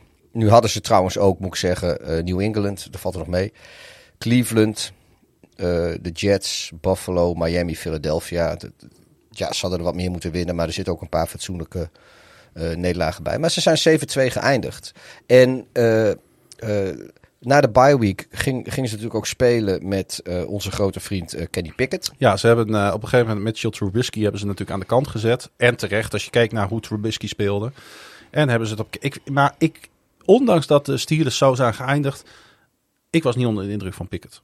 Afgelopen seizoen. Nee, maar ik, ik, Bij Vlagen was het, had hij eh, Ja, maar ik, kijk, K- Pickett die heeft niet de, de starter reps gehad in eh, de voorbereiding van het seizoen. Hij komt bij een nieuw team, hij was de rookie. Eh, Trubisky had de starting reps. Eh, eh, uiteindelijk heeft hij, eh, is hij midden in het seizoen heeft hij die basisplaats eigenlijk gekregen, werd hij de starter. Eh, en pas toen kon hij echt een chemie opbouwen met, eh, met zijn, de skillspelers om hem heen. Eh, waarvan eh Pickens een van de belangrijkste is natuurlijk. eh, waar, maar die was ook alweer eh, vrij nieuw. Of gewoon ook een rookie. Ehm, Maar het is wel knap wat Tomlin steeds voor elkaar Ja, krijgt. Eh, Maar, maar, maar dit jaar heb je dus Pickett die eh, de hele voorbereiding eh, weet dat hij de starter is. Die eh, lekker met zijn teamgenoten is gaan trainen om rapport op te bouwen. Eh, eh, die eh, veel meer invloed heeft op het playbook. Omdat het veel meer op zijn kwaliteiten wordt vastgesteld in plaats van op die van eh, Mitchell Trubisky. Pickens, hetzelfde verhaal. Die, eh, die, zou, die heeft flashes laten zien vorig jaar. Die zou, eh, in principe moet hij dit jaar gewoon beter zijn. Eh, dat hopen we natuurlijk, maar dat moet zich voortzetten. ik, Ze ver- hebben, ik eh, verwacht ook een stap van de tight end van Pat Fryermuth. ja, vooruit- ze hebben Allen Robinson hebben ze erbij. Ja, kijk, nu Ja, weet dat je is, niet. dat, dat is een vraagteken. Dat is een vraagteken. Als dat een beetje fatsoenlijk uitpakt, dan word je er heel gelukkig van. Ik denk dat Allen Robinson. Eh, wat is het? De Ohio River die daar langs Pittsburgh loopt? Of, ik weet niet hoe die rivier heet, eh, waar die al die bruggen overheen gaan. Maar op het moment dat eh, Kenny Pickett onderuit gaat en Trubisky wordt weer de starter, dan denk ik dat Robinson zichzelf in die rivier smijt. Ja, Maar ja die, die hebben niet hele goede herinneringen aan elkaar. nou, weet, nou, Robinson, nee. Ja, dit is ik vaker Hij heeft gezegd. sowieso geen- natuurlijk geen goede herinneringen aan eh, Chicago. Niemand, eh, niemand heeft de hekel aan Trubisky eh, die met hem gespeeld Nee. heeft. Al- Dus, alleen ik denk wel dat Robinson liever van Kenny... Maar ja, weet Maar je, Robinson is- kiest zelf voor, voor een team met Pickett en Trubisky. Ja, maar hij, moet, hij heeft ook nog Deontay Johnson natuurlijk. heeft hij Ja, als, maar dat, dat, is, dat, is, nou, dat is de, de, de drie wide receiver set natuurlijk. dus hij is de WR2-3. Eh, nee, ik denk dat Pickens, eh, ik denk dat die eh, in de slot gaat staan. En Deontay Johnson en Allen Robinson, dat Ja, die de, de wideouts worden. Trouwens, een sneaky goede signing in Miles Boykin. Hè? Ja. En Maar ik ben... Gunnar Olszewski, ik weet niet of die goed is, dat is, maar die naam vind ik wel heel tof voor een wide receiver trouwens. ja, ik denk niet dat hij het roster gaat halen. Maar, en eh, dit is voor jou denk ik, hun, hun backup right tackle. LeRaven Clark. Raven Clark. Dus eerst hebben ze Miles Boykin. En ik heb... Ik weet niet of je het weet, maar ik heb een eh, vrij goede relatie met de moeder van Miles Boykin. Is dat zo? Ja, die heb ik namelijk ontmoet in Chicago. Oh ja, dat was het, daar was ik bij. Ik heb, Eh. nog, ik heb, ja, ik heb, ja nog dat, ik, ik heb nog ergens een contactinformatie van haar nog steeds. Ja, ik, eh, wij, wij, ik heb dit, we hebben dit vaker verteld, maar het is toch leuk om het even weer te vertellen. We waren Was natuurlijk dat, naar, ik eh, weet wel dat het de moeder, was dat de moeder van Boykin? Zeker. Oké. Wij liepen, eh, Staan we mee op de foto? wij liepen over de parkeerplaats eh, waar we getailgate hadden voor de wedstrijd eh, Ravens at Bears. Gewonnen door Baltimore. En wij waren, nou, volgens mij rijkelijk toch wel een beetje nog aan de late kant. Dat we richting het stadion zochten. De parkeerplaats begon al echt leeg te lopen. En ik liep daar natuurlijk met Frankie helemaal in het paars uitgedost met onze Dutch Ravens vlog vlag. Nee, wij liepen daar met z'n tweeën. Want wij waren op de foto Was Frankie daar niet bij? Nee, wij staan ook met z'n tweeën met haar op de foto. Waren wij nog met z'n tweeën? Want wij waren... Frankie was natuurlijk alweer in het stadion. Frankie die was al vooruit, maar wij waren volgens mij nog fireballs aan het drinken. Ja, ongetwijfeld. fireball, daar kwamen wij er wat later achteraan ge- gehobbeld. Want wij staan met Ik hoef niet zo vroeg in het stadion te wij, zijn. maar wij staan ook met z'n tweeën met haar op de foto, geloof ik. Ah, Oké, nou sorry dat ik jou dan. eh, ik dacht dat het met Frank was, maar dan is het ongetwijfeld met jou. Ja, anders had jij ik- dit ik- niet ik- geweten. Ik, heb haar e-mailadres Ja, ook ergens. ja. Die heeft ze toen in mijn telefoon gezet. En het moet ergens zijn, maar ik weet echt niet waar. Het, het is er wel echt wel ergens. En ik heb ook nog beneden in de kast een visitekaartje van een advocaat of zo liggen. ja, of zo'n een zilveren. chirurg of een chirurg. Ja, nee, ja zo'n chirurg. Die zei als je ooit een keer wat overkomt in Chicago, ik opereer je wel. Ja, die zo'n zilveren is dat. Ja. Net zoals dat ik ook nog steeds een visitekaartje heb van, van een... eh, ja, dan moet ik eigenlijk heel erg oh jongens, ga de- tailgate als je in Amerika bent. Want je, de ontmoetingen die je... Maar hoe dan ook. Ik, ik, maar het visitekaartje van ik moet anoniem zijn om de. Dus, maar het is, laten we zo zeggen, het is een, een diplomaat in Nederlandse dienst in de Verenigde Staten. Dat is alles wat ik kan zeggen. En als ik dan ooit in de shit zou komen, moest ik die maar bellen. Die zou me wel helpen. Maar eh, mevrouw Boykin, eh, wij kwamen met haar in gesprek. En zij zegt op een gegeven moment van... Oh, wat tof dat jullie er zijn. En je, je wat zie je de eh mooi Baltimore Ravens uit. Ze was zelf ook compleet in het paars. Ja, ja, ja. En bleek het gewoon de moeder van Miles Boykin te zijn. Maar zij was meer onder de indruk van ons dan wij van haar. Dat is waar. Was dat 20 Dat was wel heel erg grappig. Eh, ja, want toen speelden wij eh, toch tegen elkaar in eh, Chicago. Ja, ik weet, nog- weet ik veel welk jaar dat is. Kom je ieder jaar. Ja, het is inderdaad 20, 2021. Want ik zie nog wel wat ik Uber, eh, Uber-administratie heb. Toen hebben we met die jongens eh, die mooie reis gemaakt eh, via Detroit naar Baltimore en Ja. Washington. Ja. Ja, nee, dat klopt. Ik, eh, Maar we hebben een goede tijd in Chicago gehad, in dat huis, hè? Wat een mooie stad is dat, joh. Ja. Waar zaten we ook alweer? Welke wijk? Avondale. En hoe goed was de Avondale pub? Ja, maar dat was niet zo goed als die hele bruine schunnige die er echt tegenover zat. Waar je Paps Blue Ribbons voor een dollar Nee. dronk. Maar dus, ik, ik, wat ik wel heel erg mis, is de, de, de, de chili in de Avondale pub. Ik wou er eigenlijk al over beginnen, want ik weet nog hoe wij na een lange vliegreis eh, daar s'avonds eh helemaal uitgeput daar neerploften. Ja. Ik, En toen, oh, toen zag jij Chili op de kaart ja, staan. dat moet, dat moet ik en dat bedoel ik niet het land. Nee. Je had geen atlas voor je. Oh, Ja. ik heb zin in. Weet je, weet, je waar, ik- weet je waar ik ook wel eens aan terugdenk?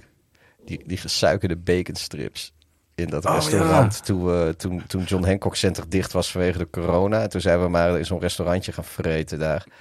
En, dan En was ik had- die had ik- hadden wij- gesuikerde, ja. de gesuikerde baconstrips. Oh, Wa- Het was wel lekker. Ja, zo'n zo'n heel duur kristallen glas. En dan echt, echt bijna 30 centimeter lange baconstrips zaten erin. Zo knapper. Lekker, joh.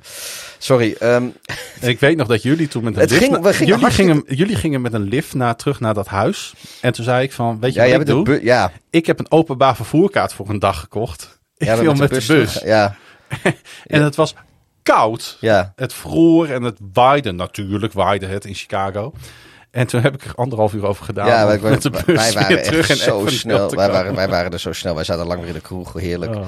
Maar, eh, Maar ik zit dan in zo'n stadsbus in Chicago, Pieter. Daar kijk ik om me heen. En dan word ik ontzettend blij. ja, ja, snap ik Ja, wel. dat heb ik gewoon. Ik vind, als ik in zo'n wereldstad ik zou ben... ook eerder een, een stadsbus in Chicago pakken dan in Baltimore. eh, ja, misschien wel. Zeker als je naar de Noord, als je vanuit het centrum naar het noorden gaat. Kijk, Ja. als je vanuit het centrum naar het zuiden gaat. Wordt het alweer zou een ander verhaal. ander verhaal. Of de, of de Near West Side. Maar eh wij zaten aan de goede kant van de stad natuurlijk in Chicago. Dat eh, bleek Maar eh, maar even terugkomen op de Steelers. wil ik zeggen, we, we, gingen echt heel soepel met de podcast. Maar we hebben nu toch alweer een kwartier lang... Opeens wijken we weer af van het gebaande pad. Ja, zij hebben natuurlijk heel dicht tegen playoffs aangezeten. Weet je nog dat in week 18 de New York Jets en de eh, Miami Dolphins op 6-6 stonden op een gegeven moment? Daar werd maar niet gescoord in die wedstrijd.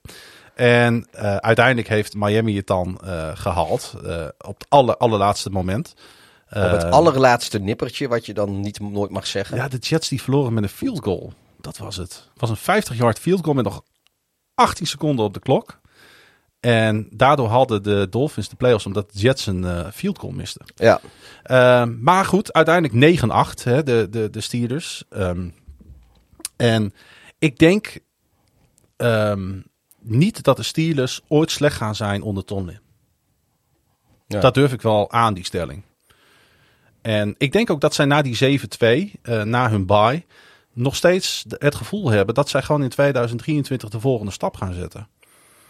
En zij hebben natuurlijk ook, en Kenny Pickett werd natuurlijk wel, eh, ook tijdens die stretch wel iets beter. Hè? Ik kan Ja. mij last minute drives herinneren tegen de Raiders, Ja. tegen de Ravens. Eh, die hebben ze allebei verslagen, omdat hij gewoon geweldige drills op het eind neerzette. Eigenlijk moet je hem, eigenlijk is het, eh, Kenny Pickett is geen systeemquarterback. Nee, laat je hem de bal laten Als je begrijpt wat ik bedoel. Ja. Nee, maar dat heeft denk ik ook te maken met het feit dat hij dus geen fatsoenlijke voorbereiding heeft gehad in dat systeem. En dat hij ondertussen wel eh, door de trainingen en zo eh, een rapport kreeg en zelfvertrouwen kreeg om zelf shit te doen. Maar ik denk na een heel, heel off-season van met zijn teamgenoten voorbereiden en het playbook. Maar eh, hij mocht ook een slecht seizoen draaien. hè, Ja, nee, jaar. nee, precies. En heeft hij ook gedaan, want zeven touchdowns en negen intercepties zijn verschrikkelijke cijfers natuurlijk. Ja, maar toch, eh, eh, wat ik gewoon bizar vind, is dat, kijk, tuurlijk heeft Pickett niet het seizoen gedraaid wat Goff en Trevor Lawrence gedraaid hebben. Maar zowel Nou. de Lions als, nee, tuurlijk niet. Pickens was veel slechter. Ja, Ja, dat zeg ik. Pickens heeft niet Oh, sorry, het seizoen sorry, sorry, gedraaid. Sorry. Ja, we moeten Ik God wist wel niet- luisteren, ik wist jongen. niet dat je boos zit- zou ja, worden. ik zit hier gewoon hartstikke goed punten van maken. alle quarterbacks met minimaal 200 snaps heeft alleen Zach Wilson van de Jets een slechtere rating gehad vorig jaar. Ja, nou, rating, smeting. Eh, we hebben gewoon eh, drie teams die het seizoen eh, relatief slecht begonnen zijn. En die er met eh 7-1 of 7-2 zeg maar het seizoen uitgefietst hebben. Dat zijn de Jaguars, dat zijn de, Jaguars, en de. Lions en de Steelers. En iedereen die zit de hele tijd over de, over de Jaguars en de Lions te, te ouwen. Over hoe geweldig hun seizoen is. De ene is favoriet in de ene divisie. Zo laat ik zo zeggen, zijn allebei zijn ze favoriet in respectieve divisies. Ook een beetje armoe. Ook, ook meer ervaren quarterbacks natuurlijk. Ja, maar ook een beetje armoe natuurlijk. Want eh, zowel de AFC South als de NFC North zijn niet te vergelijken met de AFC North. Wat betreft concurrentie. Laten we dat ook niet vergeten. Maar eh, ik vind het vreemd dat, eh, dat de Steelers wel altijd gewoon vergeten worden.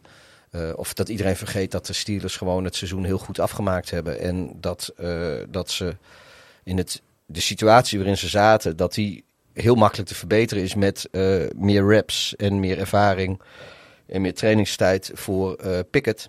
En dat heeft hij nu. En er is natuurlijk nog wat anders wat voor de Steelers pleit. En dat is de eh ongeëvenaarde stabiliteit binnen de organisatie. Zij hebben, de, die Omar Khan heeft daar dat general managerschap overgenomen nadat hij tien jaar stage heeft gelopen. En ik vind dat hij, hij heeft geweldig, geweldige draft eh, gehad. Eh, prima eh eh, off-season en free agency. Je ziet gewoon dat investeren in je organisatie, de juiste mannetjes op de juiste plek, dat betaalt zich altijd uit. Ja. Nee, en, en ja, nogmaals, weet je, het seizoen begon inderdaad slecht voor ze. Maar eh, ze weten het zelfs midden in het seizoen, weten ze toch. eh, ook, eh, het, het was niet in één keer dat ze baanbrekend geweldig mooi voetbal speelden. Of, of dat er spelers doorbraken Nee. die, waarvan je nu al weet dat ze in de Hall of Fame komen. Dat is helemaal niet waar. Nou Maar ja, toch. TJ Watt en Alex Highsmith. Ja, nee maar, goed, nee, maar, verdediging. nee, maar die waren ook al goed voordat het Ja. seizoen begon. Het is niet dat halverwege het seizoen in één keer spelers die er Nee, niet nee, dat waren. weet ik. Eh, Nodige blessures gehad. Ja, eh, maar, maar ze, ze, kie- ze keren het gewoon om midden in het... Eigenlijk al gewoon een half seizoen eerder dan iedereen... eh, en zich, zij, zelf misschien ook al verwacht hadden. Dus ja, als zij op die high een beetje doorgaan... Ja, dan kan het, kan het gewoon best een leuk seizoen worden voor, Ja. voor de Steelers. En ik... En dan gaan in die AFC North gaan natuurlijk teams wedstrijden van elkaar afsnoepen. Ja, en ik, ik zie de... Ja, ik zie de Steelers wel boven de, boven de, de Browns eindigen. Al was het maar gewoon omdat... eh, beide hebben ze gewoon een, een uitstekend roster. Ik zet ze ik. allebei op 9-8 neer. Maar ik denk dat de stabiliteit bij de Steelers de overhand geeft. En ik Ja. zou, zou mij niet verbazen als Steelers misschien wel dubbele cijfers winnen dit jaar. Dat ze, dat ze aan de 10 komen. Kan. Ja, dan zijn ze ook wildcard kandidaat. Is Zo, zo, sowieso. Ik denk dat de Steelers eh, het team die de divisie niet wint... best wel lastig kunnen gaan maken voor die tweede plek. Ja.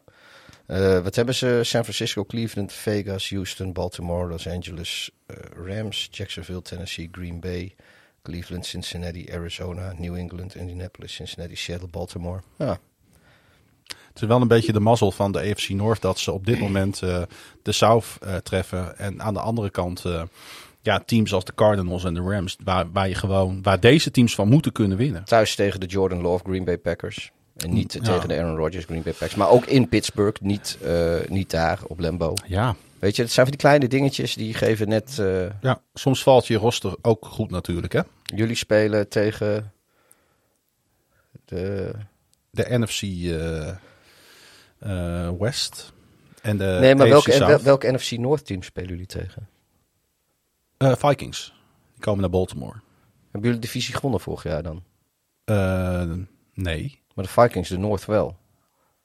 Moeten Eh, jullie niet Lions. tegen de Lions? Lions, Jullie moeten tegen de sorry. Lions, ja. Ik vergis me. Eh, Ja. Detroit Lions. Oké. Ja, wat wel een hele toffe pot is, Lions Ravens. Vind ik een heel tof affiche. Ja. Ehm, we In- gaan door, want Ja. eh, de tijd zit er bijna op, Pieter. Dus we moeten even door met de volgende vraag. En die eh, gaat over de Arizona Cardinals. Want Dylan heeft eh, gereageerd op Instagram. Hij zegt, ik volg de NFL nu sinds twee jaar. En ik ben fan van de Arizona Cardinals omdat ik er gestudeerd heb. Nou, dat vind ik een goede reden. Het is wel een party college, jongen, Arizona Ja, State. ja, Het is wel klopt. een feestuniversiteit. Dus Ja. ik weet niet wat hij gestudeerd heeft, maar ik denk eh de Dan zal ik hem even alcoholhoudende flessen en, eh, en lekkere wijven en feesten. Ja, Sorry man, maar dat denk ik echt. Eh. Sorry Dylan, maar dan nog, weet je, ik ben jaloers op je studie. altijd mooi weer. Ja, dat gaat mooi weer. Bloedheet. Ja, jongen, het is... Van airco naar airco feesten. Wat, wat zeggen ze wel eens over Phoenix? Het is een testament to the arrogance of men. Het feit dat ze daar een stad gebouwd hebben. Maar goed, neem niet weg. Arizona State Party College. eh, Nou ja, go Dylan. ik denk dat je op dit moment beter naar wedstrijden van Arizona State kunt gaan dan wedstrijden van de Ja, Arizona oh ja, nee, Cardinals. nee. Ik denk als hij wil juichen, moet hij terugdenken aan zijn studententijd. En niet aan, eh, moet hij niet gaan kijken naar de, naar de Cardinals de komende twee seizoenen. Nou, ik ga even uitleggen, als je het goed vindt, ga ik even een klein beetje uiteenzetten waarom ik niet denk dat eh Dylan dit seizoen veel kan juichen voor de Arizona Cardinals. Ik zie het namelijk erg somber in voor de Cardinals. En ze zijn ook bij deze mijn favoriet voor de eerste pick overall in 2024. Of jij dat ook vindt, dat ga ik zo meteen aan jou vragen. Pieter, kun je er vast even over nadenken. Eh, de Cardinals verloren hun laatste zeven wedstrijden van het seizoen. Weet je nog? J.J. Watt kondigde zijn pensioen aan. Cliff Kingsbury werd ontslagen. General manager Steve Keim, voor onbepaalde tijd met verlof vanwege gezondheidsproblemen, verliet de organisatie voorgoed. Er werd gebeld, eh, gemeld dat Murray waarschijnlijk niet klaar zal zijn voor week 1. En dat hij misschien pas in de tweede helft van het seizoen terug zal zijn. Waardoor Colt McCoy de waarschijnlijke starter wordt bij de Arizona Cardinals. Fans hoopten dat eh, Sean Payton de volgende hoofdcoach van het team zou worden, maar dat gebeurde niet. En na een lange zoektocht kwam men uit bij Jonathan Gannon, de defensive coordinator van de Philadelphia Eagles. Later moesten de Cardinals een compensatie overeenkomen, weet je nog, met de Eagles om een aanklacht wegens sabotage te schikken, omdat de Arizona Cardinals contact hadden opgenomen met Gannon, terwijl dat niet was toegestaan. Tijdens free agency deed de franchise nagenoeg niets, terwijl ze wel heel veel salary cap hadden. Ehm, en dan ging ook nog Zach Allen en cornerback Byron Murphy Jr. weg. Safety Buda Baker, waarschijnlijk de beste man op het roster, vind ik in ieder geval bij de Cardinals. Op dit moment vroeg om een trade. Hij kwam naar minicamp, trainde niet, kreeg uiteindelijk toch een nieuw contract met meer salaris. En er was een claim van voormalig teammanager Terry McDonough dat teammanager Michael Bidwill zich bezig hield met wijdverspreid wangedrag, fraude, discriminatie, intimidatie. En hoe reageerde het team? Door op McDonough te gaan schieten. In plaats van verantwoordelijkheid te nemen voor hun eigen gedrag. En er was een opiniepeiling van de NFLPA, de Players Association.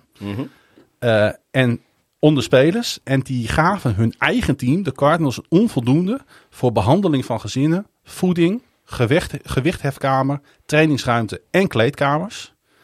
Het team ruilde de derde pick van de draft, hoewel op zich een slimme zet met toch wel de wat overbetalende Houston Texans, die volgend jaar april natuurlijk wat zou moeten opleveren, helpt het nu geen reet voor dit team. En dan was er ook nog de DeAndre Hopkins saga. Ja. Hè, de Cardinals en de Hopkins wilden allebei een trade, maar de, het team kon geen eh trade partner vinden voor, ik denk toch wel een van de beste receivers van dit tijdperk. Zeker voor de Cardinals. In plaats van misschien iets te doen waarbij ze bijvoorbeeld een deel van Hopkins salaris op zich zouden nemen, waardoor hij, eh, maar dat deden ze niet. En hij werd gekat voor 1 juni. Eh, en in plaats van compensatie terug te krijgen, zitten ze nu opgeschreven met een, eh, opgeschreven met een dead eh, cap hit van 22,6 miljoen. En dan hebben we ook nog het contract van Kyler Murray, wat ondertussen als een molensteen om deze franchise heen hangt. Met volgend jaar een cap hit van 51,9 miljoen dollar. En hij wordt niet lager tot en met 2028 dan 43,5 miljoen. En dan is die Murray ook nog eens geblesseerd. Ik weet niet eens of Murray er volgend jaar nog wel gaat spelen. Nou, eh, dat is eigenlijk inderdaad het volgende. Eh hieraan gekoppeld aan de- eigenlijk een beetje deze rant over de eh, Arizona Cardinals. Ehm, zij zouden zomaar eens op deze manier, hoe zij nu hun team hebben ingericht en op geen enkele manier ook hun fans dit seizoen serieus nemen, voor die eerste pick kunnen gaan. En dan staat daar natuurlijk Caleb Williams of Drake May om, om gekozen te worden. Zal ik En, jou eens eh, wat gekkers vertellen? Nou, Je kan je nu al, geef ik je in augustus 2023, ga ik nu vast vertellen dat de Arizona Cardinals twee picks in de top drie hebben in de draft van volgend jaar. ja, dat zou heel goed kunnen. Want ze hebben de pick van de, van de, van de Houston Texans. Ja. Dus eh, alles wijst erop. eh, niet alleen dat dit jaar expres weggegooid gaat worden. Want hier zit natuurlijk een bewustzijn achter. Maar je kunt zeg maar je team een jaar weggooien omdat je wil gaan bouwen in de toekomst. Maar zij hebben niets op orde, Pieter. Nee. Er lopen mensen rond die daar intimideren, discrimineren. Er wordt alleen maar ruzie met elkaar gemaakt. En alles wat sterspeler was, wat nog leuk was om de Cardinals voor aan te zetten. Ik noem een J.J. Watt. Hè? Ik noem een DeAndre Hopkins. Het is allemaal weg. De, de- Cardinals kunnen wel eens 0-16 gaan. En ik weet dat, dat hebben we vaker gezegd. En dan gaat een team wint toch per ongeluk één of twee wedstrijden. Maar meer zie ik ze niet weer. Ik ben echt... Ik, eh, ik word er eigenlijk zelfs een beetje... Ik word er een beetje misselijk van. Misselijk zelfs. Ja. Ja, want ik vind het... Heeft niks te maken met al die bier die je zit Nee. te zuipen of die, die, nou, pas- is nog maar de derde. die pasta die je half opgegeten hebt. Nee, maar ik heb alle garnalen en alle olse haast eruit gevist. Oké, Want zo ben ik wel. oké. Er waren alleen nog wat courgettes over. En een paar fusilietjes. Ehm, Een paar, paar, paar, paar eh, juliennetjes wortel. ja, wortel vind ik wel lekker. Hmm. Maar dit, als je dit toch, dit is toch het nieuwe. eh, dit, dit zijn eigenlijk een beetje de nieuwe Houston Texans. Dit zijn een beetje de nieuwe Cleveland Browns. Dit zijn een beetje de nieuwe Jacksonville Jaguars onder eh, die, die, die, die zak van een coach. Er is ieder jaar wel weer een team wat, wat, wat nog dieper lijkt te zinken. Wat nog meer scheid heeft aan de fans en aan de kijkers. Ik ben ook, ja, en ik ben er ook nog niet een- eens van overtuigd dat de boel bij de Texans opgelost is. Nee, dat eh, denk ik ook niet. Maar Want dat wordt denk ik zomaar een concurrent hoor, voor die first overall pick. Ja, ik weet wel, het gaat ook daar in Houston niet over één nacht ijs. Maar ik vind hun wel verder in het proces. Zij hebben wel afscheid genomen van een aantal geesten uit het verleden. Ja, maar ze hadden nu alweer, oké, het is, ja, dit, dat is ook weer type, dat, dat, als je dan ook in de hoek zit waar de klappen vallen. Het was een hele minderheidseigenaar, maar er is er weer een eigenaar. Een van de eigenaren is er weer aangeklaagd voor seksueel, eh, eh, seksuele misdragingen. Wat hij precies gedaan heeft, weet ik niet hoor, want het, hij heeft, maar nauwelijks een procent of zo van het team in bezit. Maar goed, hij is een official ja van, klopt. Van het ding. eh, Ja. het, het, het- je- tuurlijk zit in de hoek waar de klappen vallen. Maar eigenlijk, eh, ik, ja, op dit moment zou ik zeggen dat de, de Texans en de Cardinals inderdaad, ook op basis van hoe die organisatie gerund wordt, maar ook op een beetje basis van de, de kwaliteiten die ze hebben. Ook al hebben de Texans wel redelijk gedraft. Dat gaan die jongens, die rookies, gaan dat niet in één seizoen oplossen. Ehm, eh, Kijk, zij hebben nu die, die defensive coordinator van de Eagles gehaald. Ik Ja. snap wel dat die man een, een headcoachbaan na afgelopen seizoen aangeboden heeft gekregen. Maar die Gannon, die moet maar één gedachte hebben gehad. Ik kan een keer headcoach in de NFL worden. Want je gaat niet voor je lol op dit moment naar de Cardinals. Het is niet voor niks dat Sean Peter de nee tegen heeft gezegd, hè? Ja, ik zie het niet gebeuren daar. Nee. Sterker nog, ik zie het eh, nog meer onderuit gaan dan het al is. Want ze zijn er ook nog eens sportief gezien behoorlijk op achteruit gegaan. Er is, er is niets daar. Op Boeddha Beker na. Dat is de enige van wie ik een, eh, een naam op de rug zou willen hebben als ik daar rondliep als fan. ja. Ja, ik vind het heel treurig. Dus, eh, maar ja, er luisteren dus ook Cardinals fans. Waaronder dus Dylan, die daar gestudeerd heeft. ja, maar nogmaals, Arizona State University, bam jongen, Ja. dat is echt feesten. Hey, Husky, eh, die vraagt op eh, Insta. Als jullie nu een top 10 power ranking zouden maken, zouden de Jacksonville Jaguars daar dan in staan? Nou,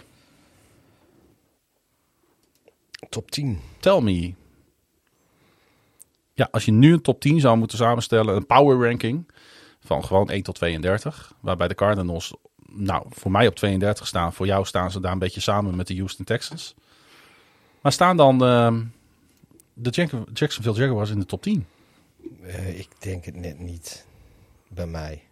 Waar zou, staan ze dan op 11 of 12? 13? Ja, ik denk dat, eh, dat ik ze daar ongeveer in zou zetten. Ik denk dat eh, wat ik erboven zou zetten zijn sowieso een beetje de, de logische teams. De Chiefs, de Eagles, de Niners, de Bengals, de Bills. Nou, dan hebben we er al vijf. Eh, de Cowboys denk ik ook. Ja. Eh, Ravens. De Ravens. Dolphins, Ja, Dolphins. En de- Jets. Ja, ja, Jets weet ik niet. Chargers Eh, de Chargers en de, en de Seahawks. De, Br- de Chargers, zeg ik misschien, de Browns misschien ook wel. Dus misschien de, de Steelers ook nog wel. Ik denk dat ik ze 13, 14 zet. Oké. Ehm, maar wel met een, met een upside hoor. Wel dat, eh, en dat sowieso vind ik dat, eh, dat eigenlijk alles vanaf plek 6, 7 tot en met plek 16, 17. Dat het heel dicht bij elkaar ligt. Dat, weet je, dat zijn, die zijn één blessure of één of twee lucky bounces van een bal bij een field goal of, of weet ik veel Ja, wat. eh, dat zag je natuurlijk ook wel een Zijn- beetje- Dat, dat, dat, daar, om, eh, dan kunnen meteen drie, vier plekken stijgen of zakken. Ja. Dus, dus dat, dat zit echt heel dicht bij elkaar, denk ik. Dat zag je natuurlijk ook wel in die playoff wedstrijd van de Jaguars, hoe dicht dat uiteindelijk bij elkaar lag. Hè? Ja. Ehm, het was wel rustig dit offseason in eh, Jacksonville, vond ik. Ze hebben natuurlijk, eh, het was wel een beetje te verwachten, want het 2022 was natuurlijk een hec- hectisch offseason in, eh, in Jacksonville. Dat het even wat rustiger daar is. Dat is ook wel prettig. En hun grote klapper hadden ze natuurlijk al gemaakt. Met de reïntegratie van Calvin Ridley. Ja. Eh, ja, zolang hij gezond blijft, kan dat trio, laat ik het zo maar even noemen, Calvin Ridley, Evan Engram, eh, Christian Kirk, met dat running back tandem van Travis Etienne en eh, Tank Bixby en Trevor Lawrence als quarterback, ja, dat kan wel een hele leuke aanval worden. Dat denk ik. Ja, Ik ga daar wel met heel veel plezier naar kijken, denk ik. dat denk ik ook wel. Maar zijn ze top 10? Nee, voor mij staan ze er net buiten. Ook ergens eh, 12. 12. Ik zet ze op 13. 12. Ja. ja, wat ik zeg, weet je, Ja. op 12, 13. eh, ik vind dat, dat vind ik... Misschien wel. Ik zet denk ik, eh, eh, ik zet de Detroit Lions zet ik er net onder. Die zou ik op 11 zetten. Eh, ik vond niet dat de Lions een hele indrukwekkende NFL-draft hebben gedraaid. Maar die draft kwam wel naar hun meest efficiënte...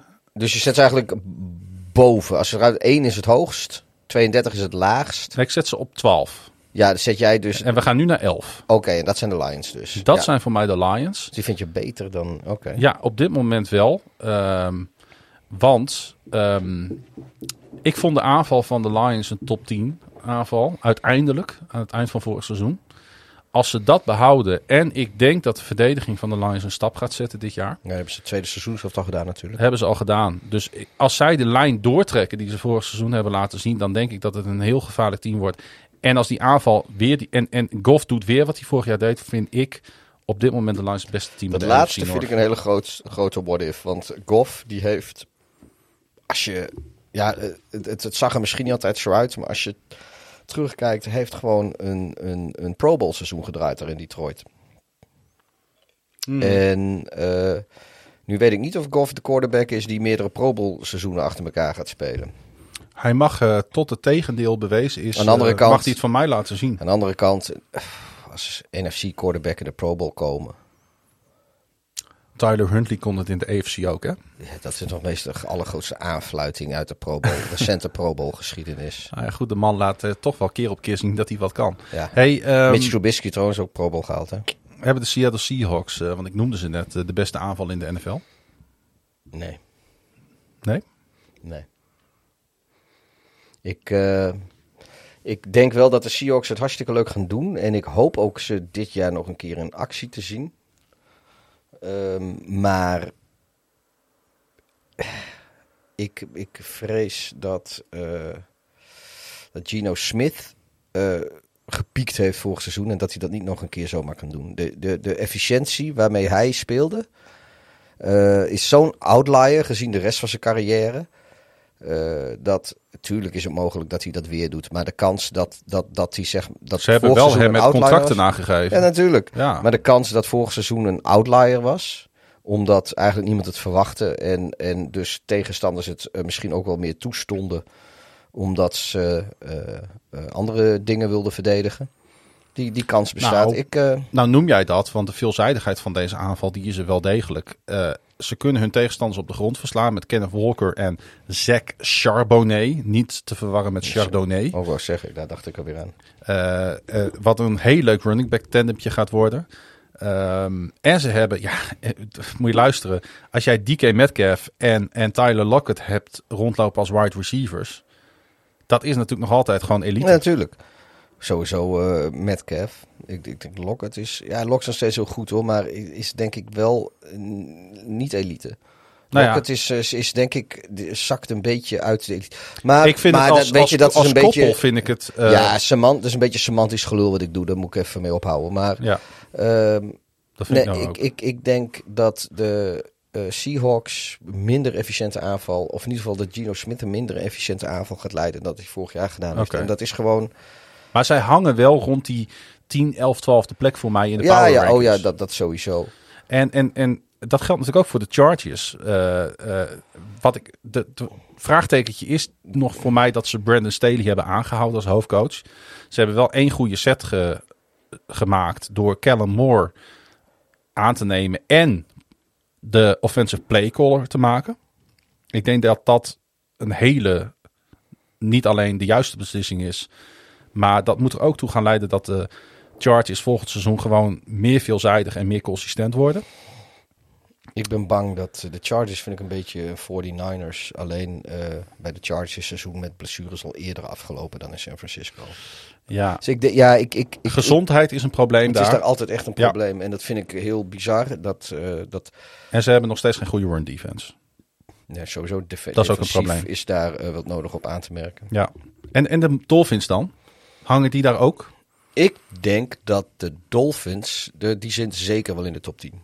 Dat vind ik ook. Ik denk dat de Dolphins, dat die het de Bills gewoon serieus heel, heel lastig kunnen gaan maken. Dat denk ik echt. Zijn ze Super Bowl kandidaat? Ehm, Zal ik er antwoord op geven? ja, zijn ze. Vind ik ook. Dat dat zijn ze. Ze hebben een van de best scorende aanvallen in de NFL. Ze hebben als defensive coordinator Vic, Vic Fangio gehaald. de beste defensive coordinators in de league. Ze hebben Vic Fangio vervolgens ook nog eens Jalen Ramsey en David Long Jr. gegeven. Ze hebben een top 5 aanval. Ze hebben een top 5 defense. Ze hebben een fenomenale coachingstaf. Eigenlijk is er maar één ding wat er moet gebeuren. Tua Tagovailoa moet op het veld blijven staan. Misschien eh, wordt dat of wel is dit het- te kort door de bocht? Nou, misschien is dat wel het team waar, eh, waar Philip Rivers uiteindelijk een Super Bowl voor gaat spelen. Ja. dat, eh, dat ergens in een, een AFC Championship game Tua onderuit eh, gaat en, of- en dat, dat ze dan Flippy Rivers erbij halen. En, en zitten dan voor jou de Baltimore Ravens op de tier met, met de Dolphins ongeveer? Of zitten die meer op de tier met de Bengals? Of zitten die meer op de tier met de Chargers? Of hangen die er een beetje tussenin? Is met Lamar vind ik- Jackson ik, natuurlijk ook een eh, beetje hoe de wind ik- waait. Vind ik, vind- ja, vind ik lastig te zeggen. Eh, als, Maar we eh, zetten ze wel allebei in de top 10.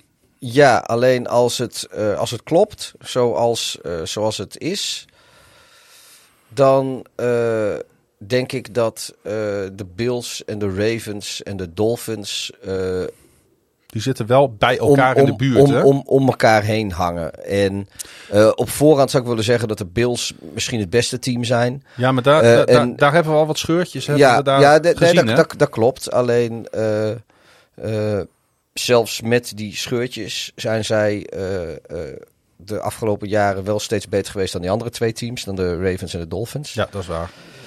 Dus ja, eh, ervan uitgaande dat ze dat al die scheurtjes nu een beetje geplakt hebben. Maar goed, Ja, dat hebben ze niet echt, voor mijn gevoel. nou ja, nee, ik, maar ik denk nog steeds dat ze, dat ze het kunnen gaan doen. Eh, maar ik denk dat, eh, kijk, als de Ravens bij de, bij de Bills in, het, in, het, in de divisie hadden gezeten, dan waren de Ravens misschien één op één niet beter, maar over een heel seizoen wel een serieuze uitdager. Wat ik van Miami ook vind. En ja, ik denk, Maar zo zijn de Ravens toch ook gewoon een serieuze uitdaging van de Bengals.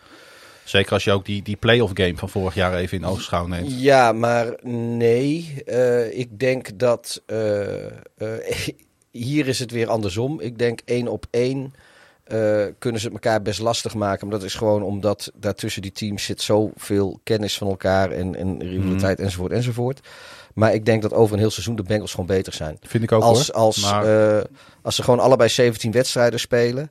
Eh, ze kunnen best wel een eh, onderlinge wedstrijden splitten, 1-1. Maar eh, mits er niks raars gebeurt met blessures of weet ik veel wat voor rare shit. Of dat, dan, dan winnen Oh, maar- de Bengals gewoon meer wedstrijden van de 17. Het is heel simpel. Zolang Joe Burrow gezond is en Low aan naar Rumo, daar de defensive playcaller is, die dat fantastisch doet. Ehm maar is dan staat het Super Bowl window van de Bengals vol open. Moet, maar moet ze ook dat, dat gesodemieter... Zo, ja, dat klinkt een beetje spekloos, zo bedoel ik het niet. Maar wat ze hadden met de Mar Hamlin in de wedstrijd tegen de Bills. Weet je, laten we niet doen alsof... Tuurlijk hebben de Bengals daar op papier, zoals het opgelost is, sportief geen nadeel van gehad. Maar je maakt het wel mee als speler. En dat zit er toch ook wel weer in, weet je. Je, je wordt op een hele lelijke manier geconfronteerd met je eigen sterfelijkheid als speler. Ja. Eh, eh, weet je, dat, ik, ik zeg niet dat, eh, dat dat een reden is dat de Bengals eh, de Super Bowl niet gehaald hebben. Maar ik, ik, het, het, het- ik kan mij voorstellen dat dat wel eh, eh, in de hoofden van in ieder geval sommige van de spelers geleefd hebben. Dat dat best hun sportieve eh, prestaties in eh, de daaropvolgende wedstrijd zou kunnen hebben beïnvloed. Ik zeg niet dat zo is, maar het, weet je, het zijn tenslotte gewoon mensen. Ze hebben trouwens wel sportief. sorry dat ik, dat, ik, dat ik dit zo afkap. Ik, je hebt een punt hoor. Maar ze hebben daar ook een paar goede zetten weer gedaan door Orlando Brown Jr. als left tackle binnen te halen. Mhm. En eh Chidobe Awuzie, de, Nee, de cornerback is, binnen, is ook weer teruggehaald. Nee, de, de, de, de, Chiefs en de Bengals, dat, dat zijn de twee sterkste teams in de NFL. Ja. Ehm, Dan de Eagles. Nou, eh, eh, we, ver- ja, we vergeten eigenlijk nog één team. De Dallas Cowboys. Die staan voor mij eh, ook eh, in het rijtje van de Ravens en de Bills.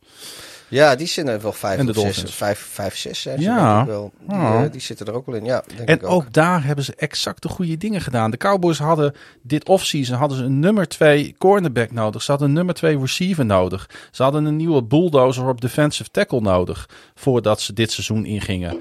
Wat heeft front office gedaan? Ze hebben op cornerback Stephon Gilmore binnengehaald. Ze hebben op receiver Brandon Cooks binnengehaald. En ze hebben in de draft hebben ze Mazi Smith eh, gedraft.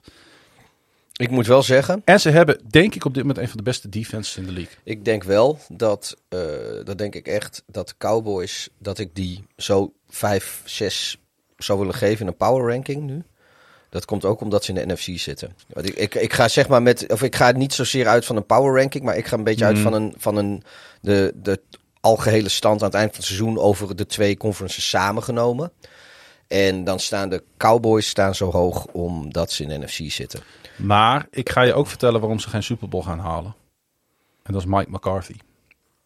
Die heeft er al een keer een gewonnen. Weet ik. Daar mag hij ook heel graag over opscheppen. En aan ieder begin van het seizoen gaat hij voor het schoolbord staan. En dan zet hij er een 1 op. En dan zegt hij, weten jullie wat deze 1 betekent? Dus dat Mike McCarthy één Super Bowl gewonnen heeft. Ja. En wat heeft hij daarna laten zien? Dat hij niet Ja, de ik, job aan kan. ik zou zo graag als ik speler was en ik zat daar. Dan, Hij is de playcaller, hè? Dan zou- Headcoach is één ding, maar playscaller is een tweede. ja.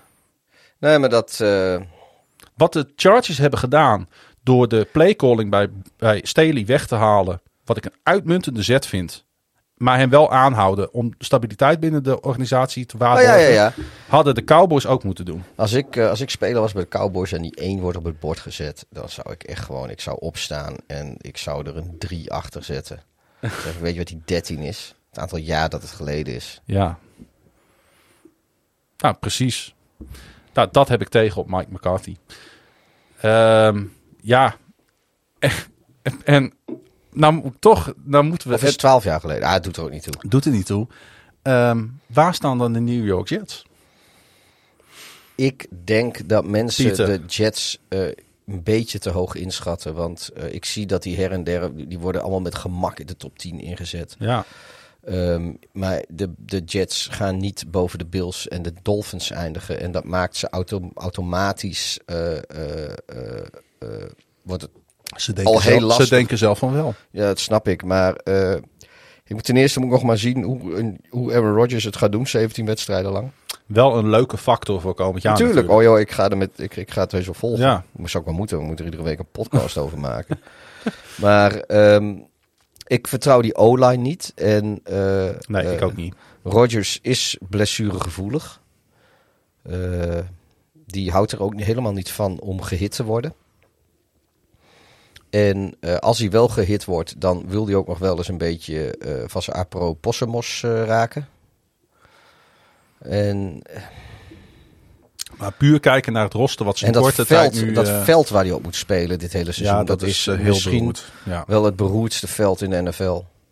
Ja, mensen klagen over Soldier Field ook wel eens. Of, of, of over, over die grasvelden in de AFC Noord. eh, of zeker in de winter wordt wel eens geklaagd. Ik, we kunnen nog wel eens die wedstrijd tussen de Dolphins en de Steelers herinneren. Dat zo'n punt gewoon, ja. gewoon doodvalt in een, in een, in een modderpoel. Ehm, maar dan nog denk ik dat, eh dat MetLife, eh, eh, dat is echt gewoon, dat is, weet je, alsof je gewoon bij de Gamma zo'n groen matje haalt voor op je balkon. Zo'n, zo'n, was, het is niet eens kunstgras, het is gewoon een, een stukje zwart rubber waar ze van die groene sprietjes in geport hebben. En die liggen gewoon op een laag beton. Nou, daar moet je daar maar mee doen. Maar zij moeten toch met dit team en deze quarterback een winning record neer gaan zetten. Ja, dat moet wel. Ja. Maar wat ik zeg, ze, ze hebben het. Ja, dit is wat ik nu denk. Ze hebben het lastig, gaan het heel lastig krijgen in hun divisie. Eh, als je daar al drie wedstrijden gaat verliezen. Twee van de Bills en één van de Dolphins of andersom. Ik denk wel dat ze de Patriots Ah, die, kunnen die sweepen. eerste pot op Monday Night Football tegen de Bills wordt natuurlijk smullen. Want denk- ik, ben, ik ben naar beide teams en beide quarterbacks, hoe die tegenover elkaar... Ja. Nee, die gaan niet tegenover elkaar staan, jullie snappen wat ik bedoel. Ja. Maar ik ben echt super benieuwd naar die wedstrijd. En de ik- uitslag daarvan gaat dan al bepalend zijn voor de rest van het seizoen. Ik denk dat 3-3 het best mogelijke division record is voor de Jets.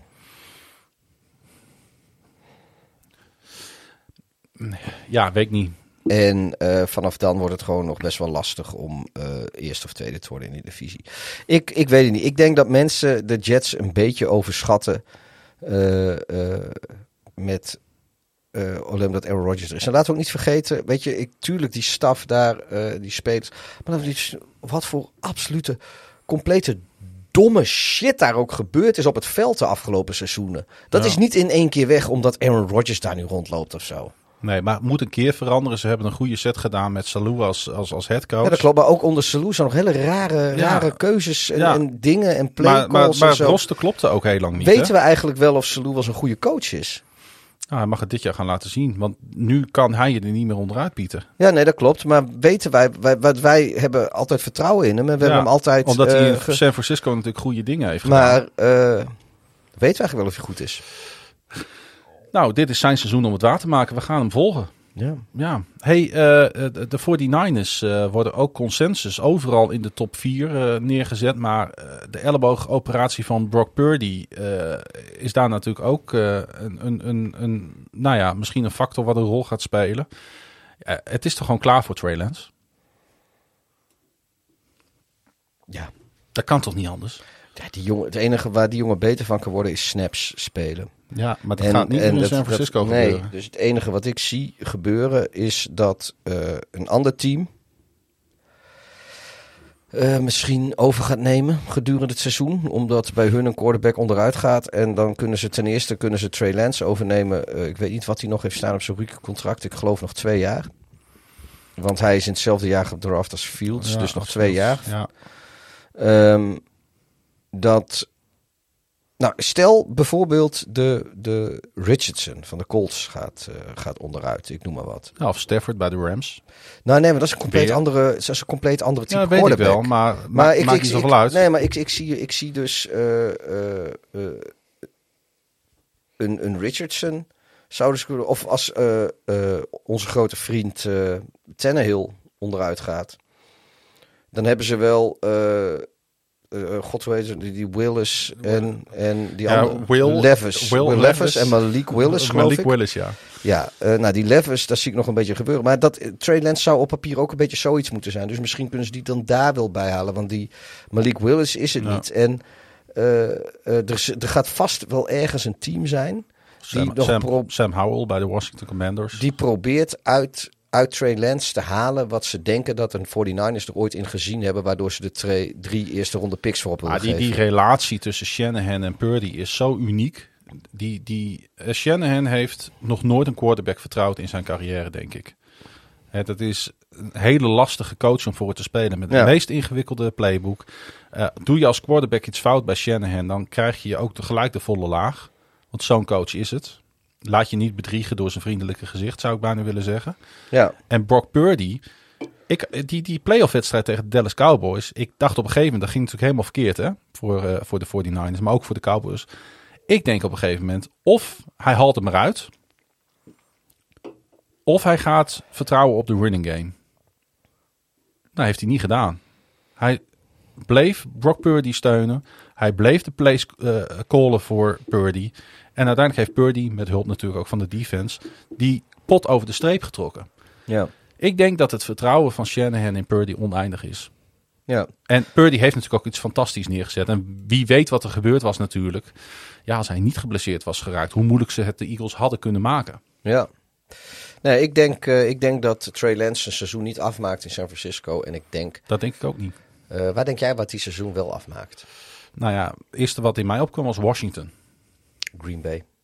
Oké. Ik denk dat Jordan Love eh, het seizoen niet afmaakt. En waarschijnlijk, ja, blessure. Ik gun niemand een blessure, maar ik ga het niet doen omdat ik Love niet goed genoeg vind. Maar dan denk ik serieus dat, eh, dat Green Bay eh, misschien voor weinig eh, Trey Lance over wil nemen. Daar kunnen ze. Of ze hebben er misschien wel wat mee in handen wat, wat de 49ers ooit dachten dat het was. Of Wat ook trouwens de Packers ooit dachten over Love. Hè? Ja, Of eh, ze, ze freewheelen lekker naar. eh want ze hebben natuurlijk ook nog wat draft capital over van, van die vrienden van, Nou, het, toch van. Raiders. En dan, Ja, en, en dan kunnen zij zomaar voor. God weet je nou, die, we hebben het er voor de podcast even over gehad. Over wie, wie het grote talent is in de draft. Volgend jaar. Mhm. Ehm, maar goed, ze, ze hebben dus. Oh, ze hebben maar één eerste ronde pick trouwens in 2024. Ik dacht dat ze er twee hadden, maar ze hebben twee tweede ronde picks. Ze hebben helemaal niet zo'n eerste ronde draftkapitaal. Hm. nee. Oh nee, ze krijgen misschien een eerste ronde pick als Aaron Rodgers 65% van de snaps speelt. Nou, dat zal denk ik wel gebeuren. Maar ja, dat kan ook zomaar niet, want Rodgers is ook van een blessure niet vies. Nou, we toch nog even over Jordan Love hebben. Die vraag kwam binnen via Sam. Die zegt, eh, eh, kunnen we al iets zeggen over Jordan Love? Ehm, nou, eh, de voortekenen zijn niet goed. Denk dat we dat wel kunnen, kunnen stellen. Ik hoor goede verhalen uit het eh, trainingskamp van Green Bay. Eh, dat zal allemaal best. Ik geloof trainingskampverhalen nooit zo. Neem ik altijd met de korrels zout. Ik denk dat wij weinig nieuws over Love kunnen zeggen. Anders dan wat wij, al, wat wij, of in ieder geval ik al heel vaak gezegd heb. Als Love daadwerkelijk zo goed was, dan hadden ze Rodgers vorig jaar niet een nieuw contract gegeven. Hadden ze Rodgers al eerder getraind. Waarschijnlijk naar de Broncos. Veel meer draftkapitaal. Waar ze eerder gaan doorschakelen of Ja. doorselecteren naar Love. Hebben ze niet gedaan. Dezelfde staf zit er nog. En nu in één keer zou die mannetje... Ik geloof niet dat spelers van de tweede naar het derde jaar redshirt in één keer zo'n lied maken. Dus Nee, het is afwachten nu wat, wat hij dit seizoen op het veld gaat laten zien. Natuurlijk zal hij, zal hij mij mijn woorden laten eten met mijn gebit meteen week 1. Dus ik waarschijnlijk alweer eh, met tanden af te breken op een stuk steen waar ik van ellende op ga kauwen. Misschien ga ik dan zelf me vrijwillig van mijn gezicht op een stoeprand leggen. Omdat, omdat Love ons op Soldier Field in week 1 meteen eh, aan de kont geeft. Zien we dan wel weer. ik ga in ieder geval week 1 niet met jou kijken. Dat weet ik wel. maar het zou natuurlijk heel goed kunnen. Ik denk eerder dat het andere scenario op de, op, de loer ligt. En ik heb niks tegen de Packers. Dus ik, ik kan er iets objectiever naar kijken. Maar ik ben heel erg bang voor fans van de Green Bay Packers. Dat Aaron Rodgers het wel goed gaat doen bij de Jets. Ik zeg niet dat hij een Super Bowl gaat winnen. Maar het wel gewoon echt goed gaat doen. In een, op een, een roster met heel veel talent. En eh, ja, dat de Packers onderuit gaan met Jordan Love. Ik heb zes overwinningen voor ze voorspeld. In eh, een artikel wat ik geschreven heb over de NFC North. Eindigen ze boven of onder de Bears? Nee, onder als vierde team. Ah, met jou kan praten. Ehm, ik heb de Bears op 8-9 staan voor eh, komend seizoen.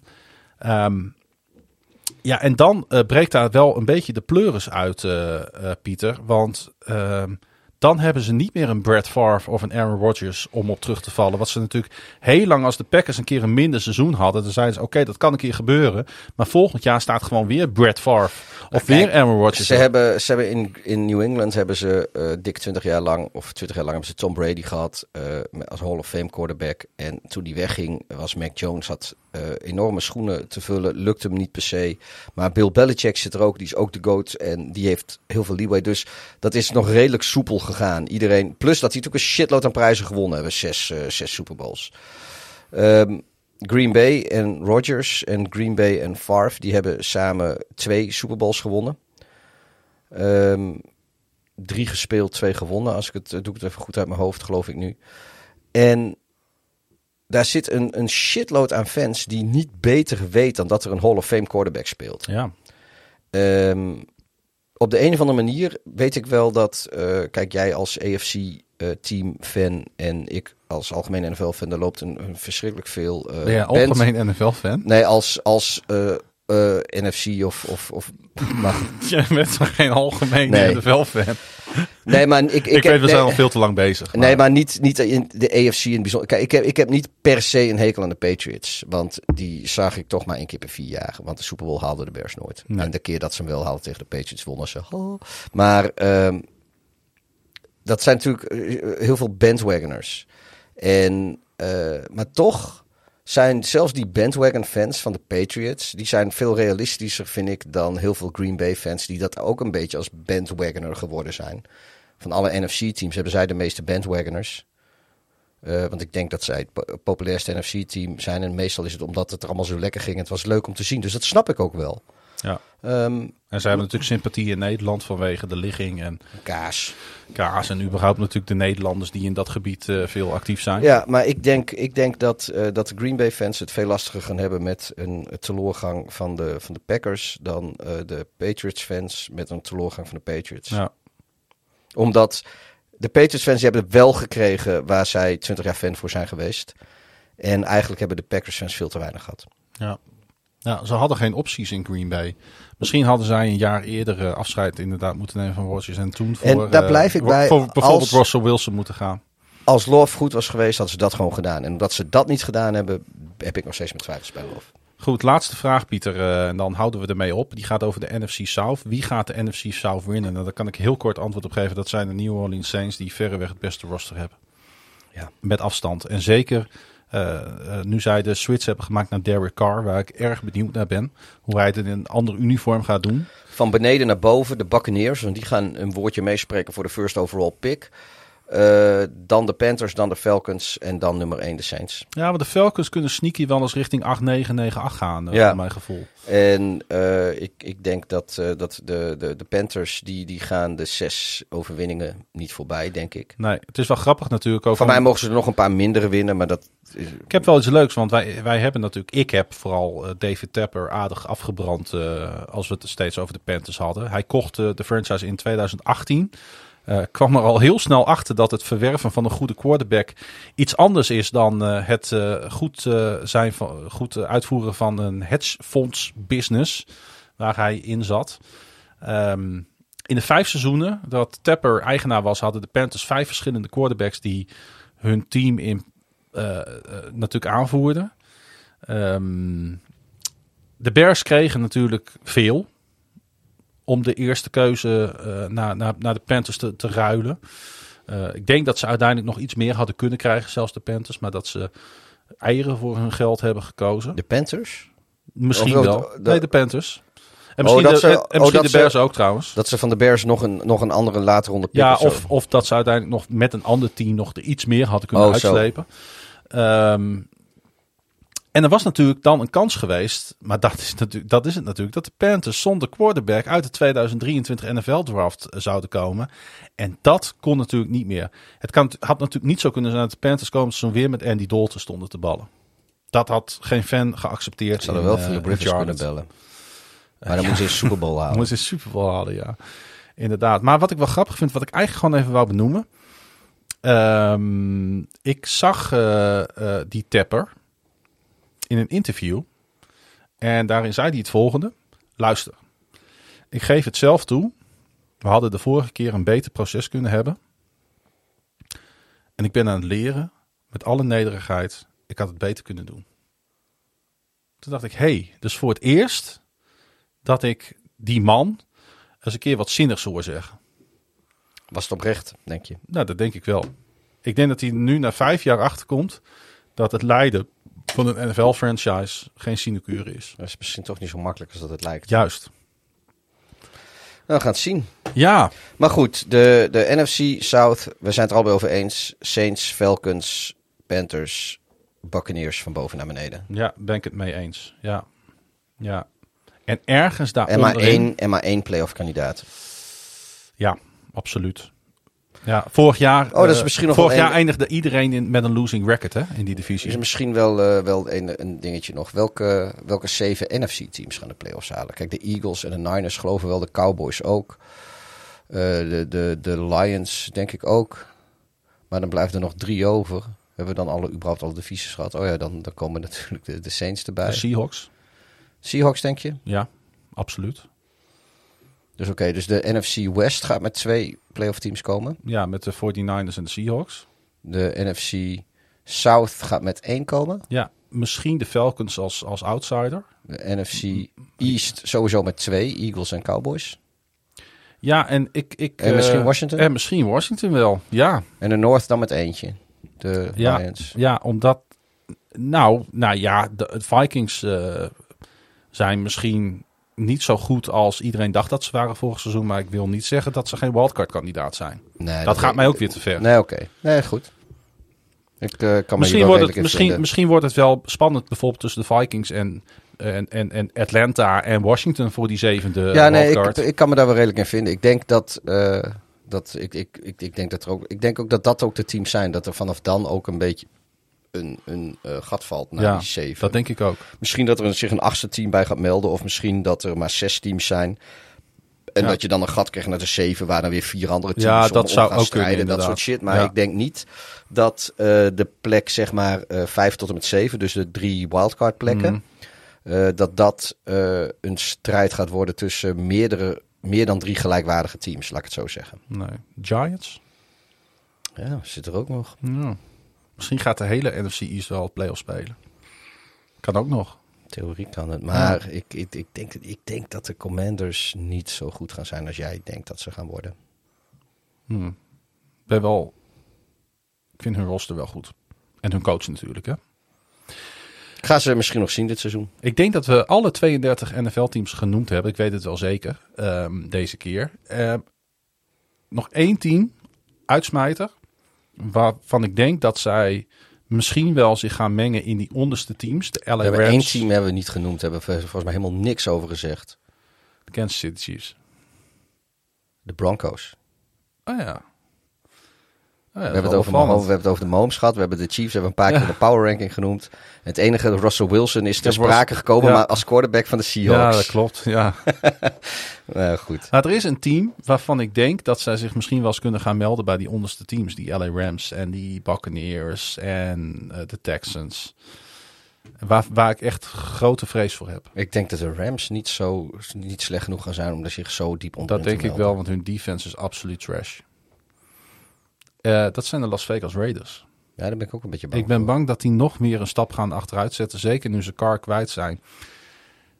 Jimmy Garoppolo, ik weet het niet. Ik die niet. coach ben ik ook geen Ja. fan van. Ik, ik heb ook nog steeds... Ze hebben niet- maar één hele toffe speler waarvoor ik naar het stadion zou willen gaan. Dat is Max Crosby. Ja, Dat vind ik, een, vind ik fantastisch. die eh, heel speler. raar... Ge, ge- eerst wilde die eh, niet bij een team spelen wat vaak verloor. En uiteindelijk heeft hij wel bijgetekend. Ja. Ja, ik, ik, ik, ja en ik heb nog steeds... nou ja, jij... Het, ja, ondanks dat ze denk ik wel goed aan de weg timmeren... heb ik nog steeds eh, niet heel veel vertrouwen in het seizoen van de Panthers. Die, Nee. zo, die zouden zich ook... Als daar een beetje tegen zit, kunnen die zich ook zomaar... Maar eh, het is wel dit jaar meer acceptabel. Nee, maar die, die, maar die kunnen zo weer top 5 gaan pikken. Als het een beetje tegen zit. Ik zeg niet dat ze mee gaan doen voor de first overall.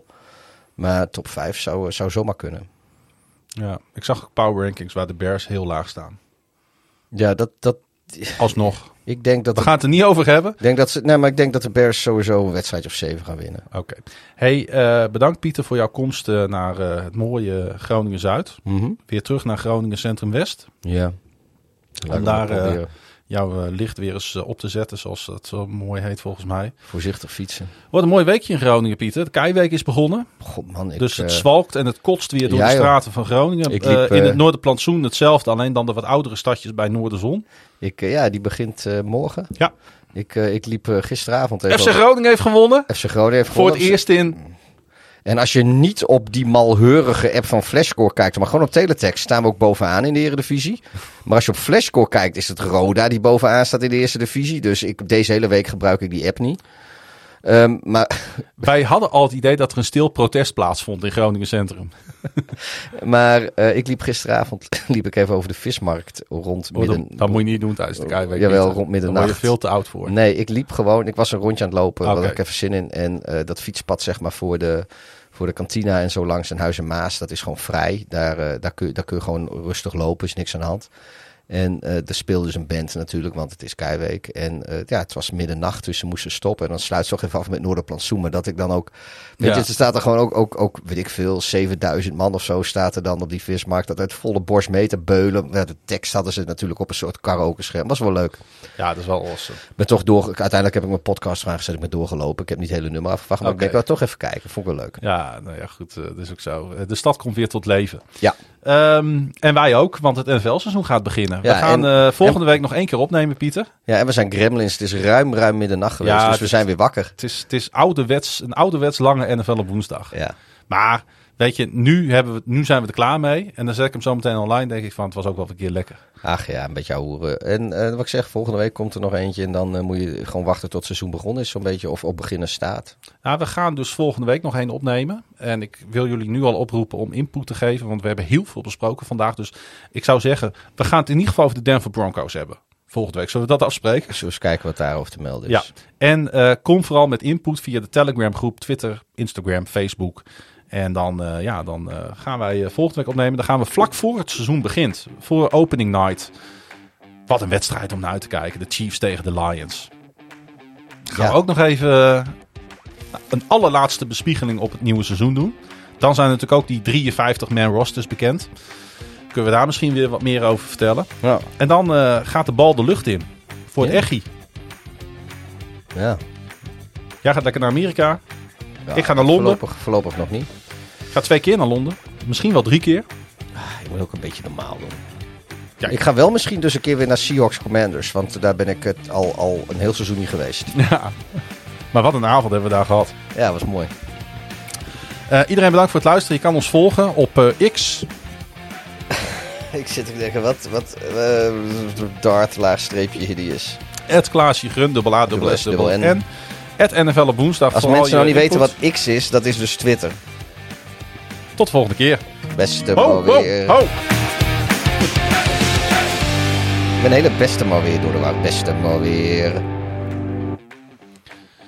Iedereen bedankt voor het luisteren. doen? Moet we ik nog een keer beste Ja. Iedereen bedankt voor het luisteren. Tot de volgende. Beste maar weer.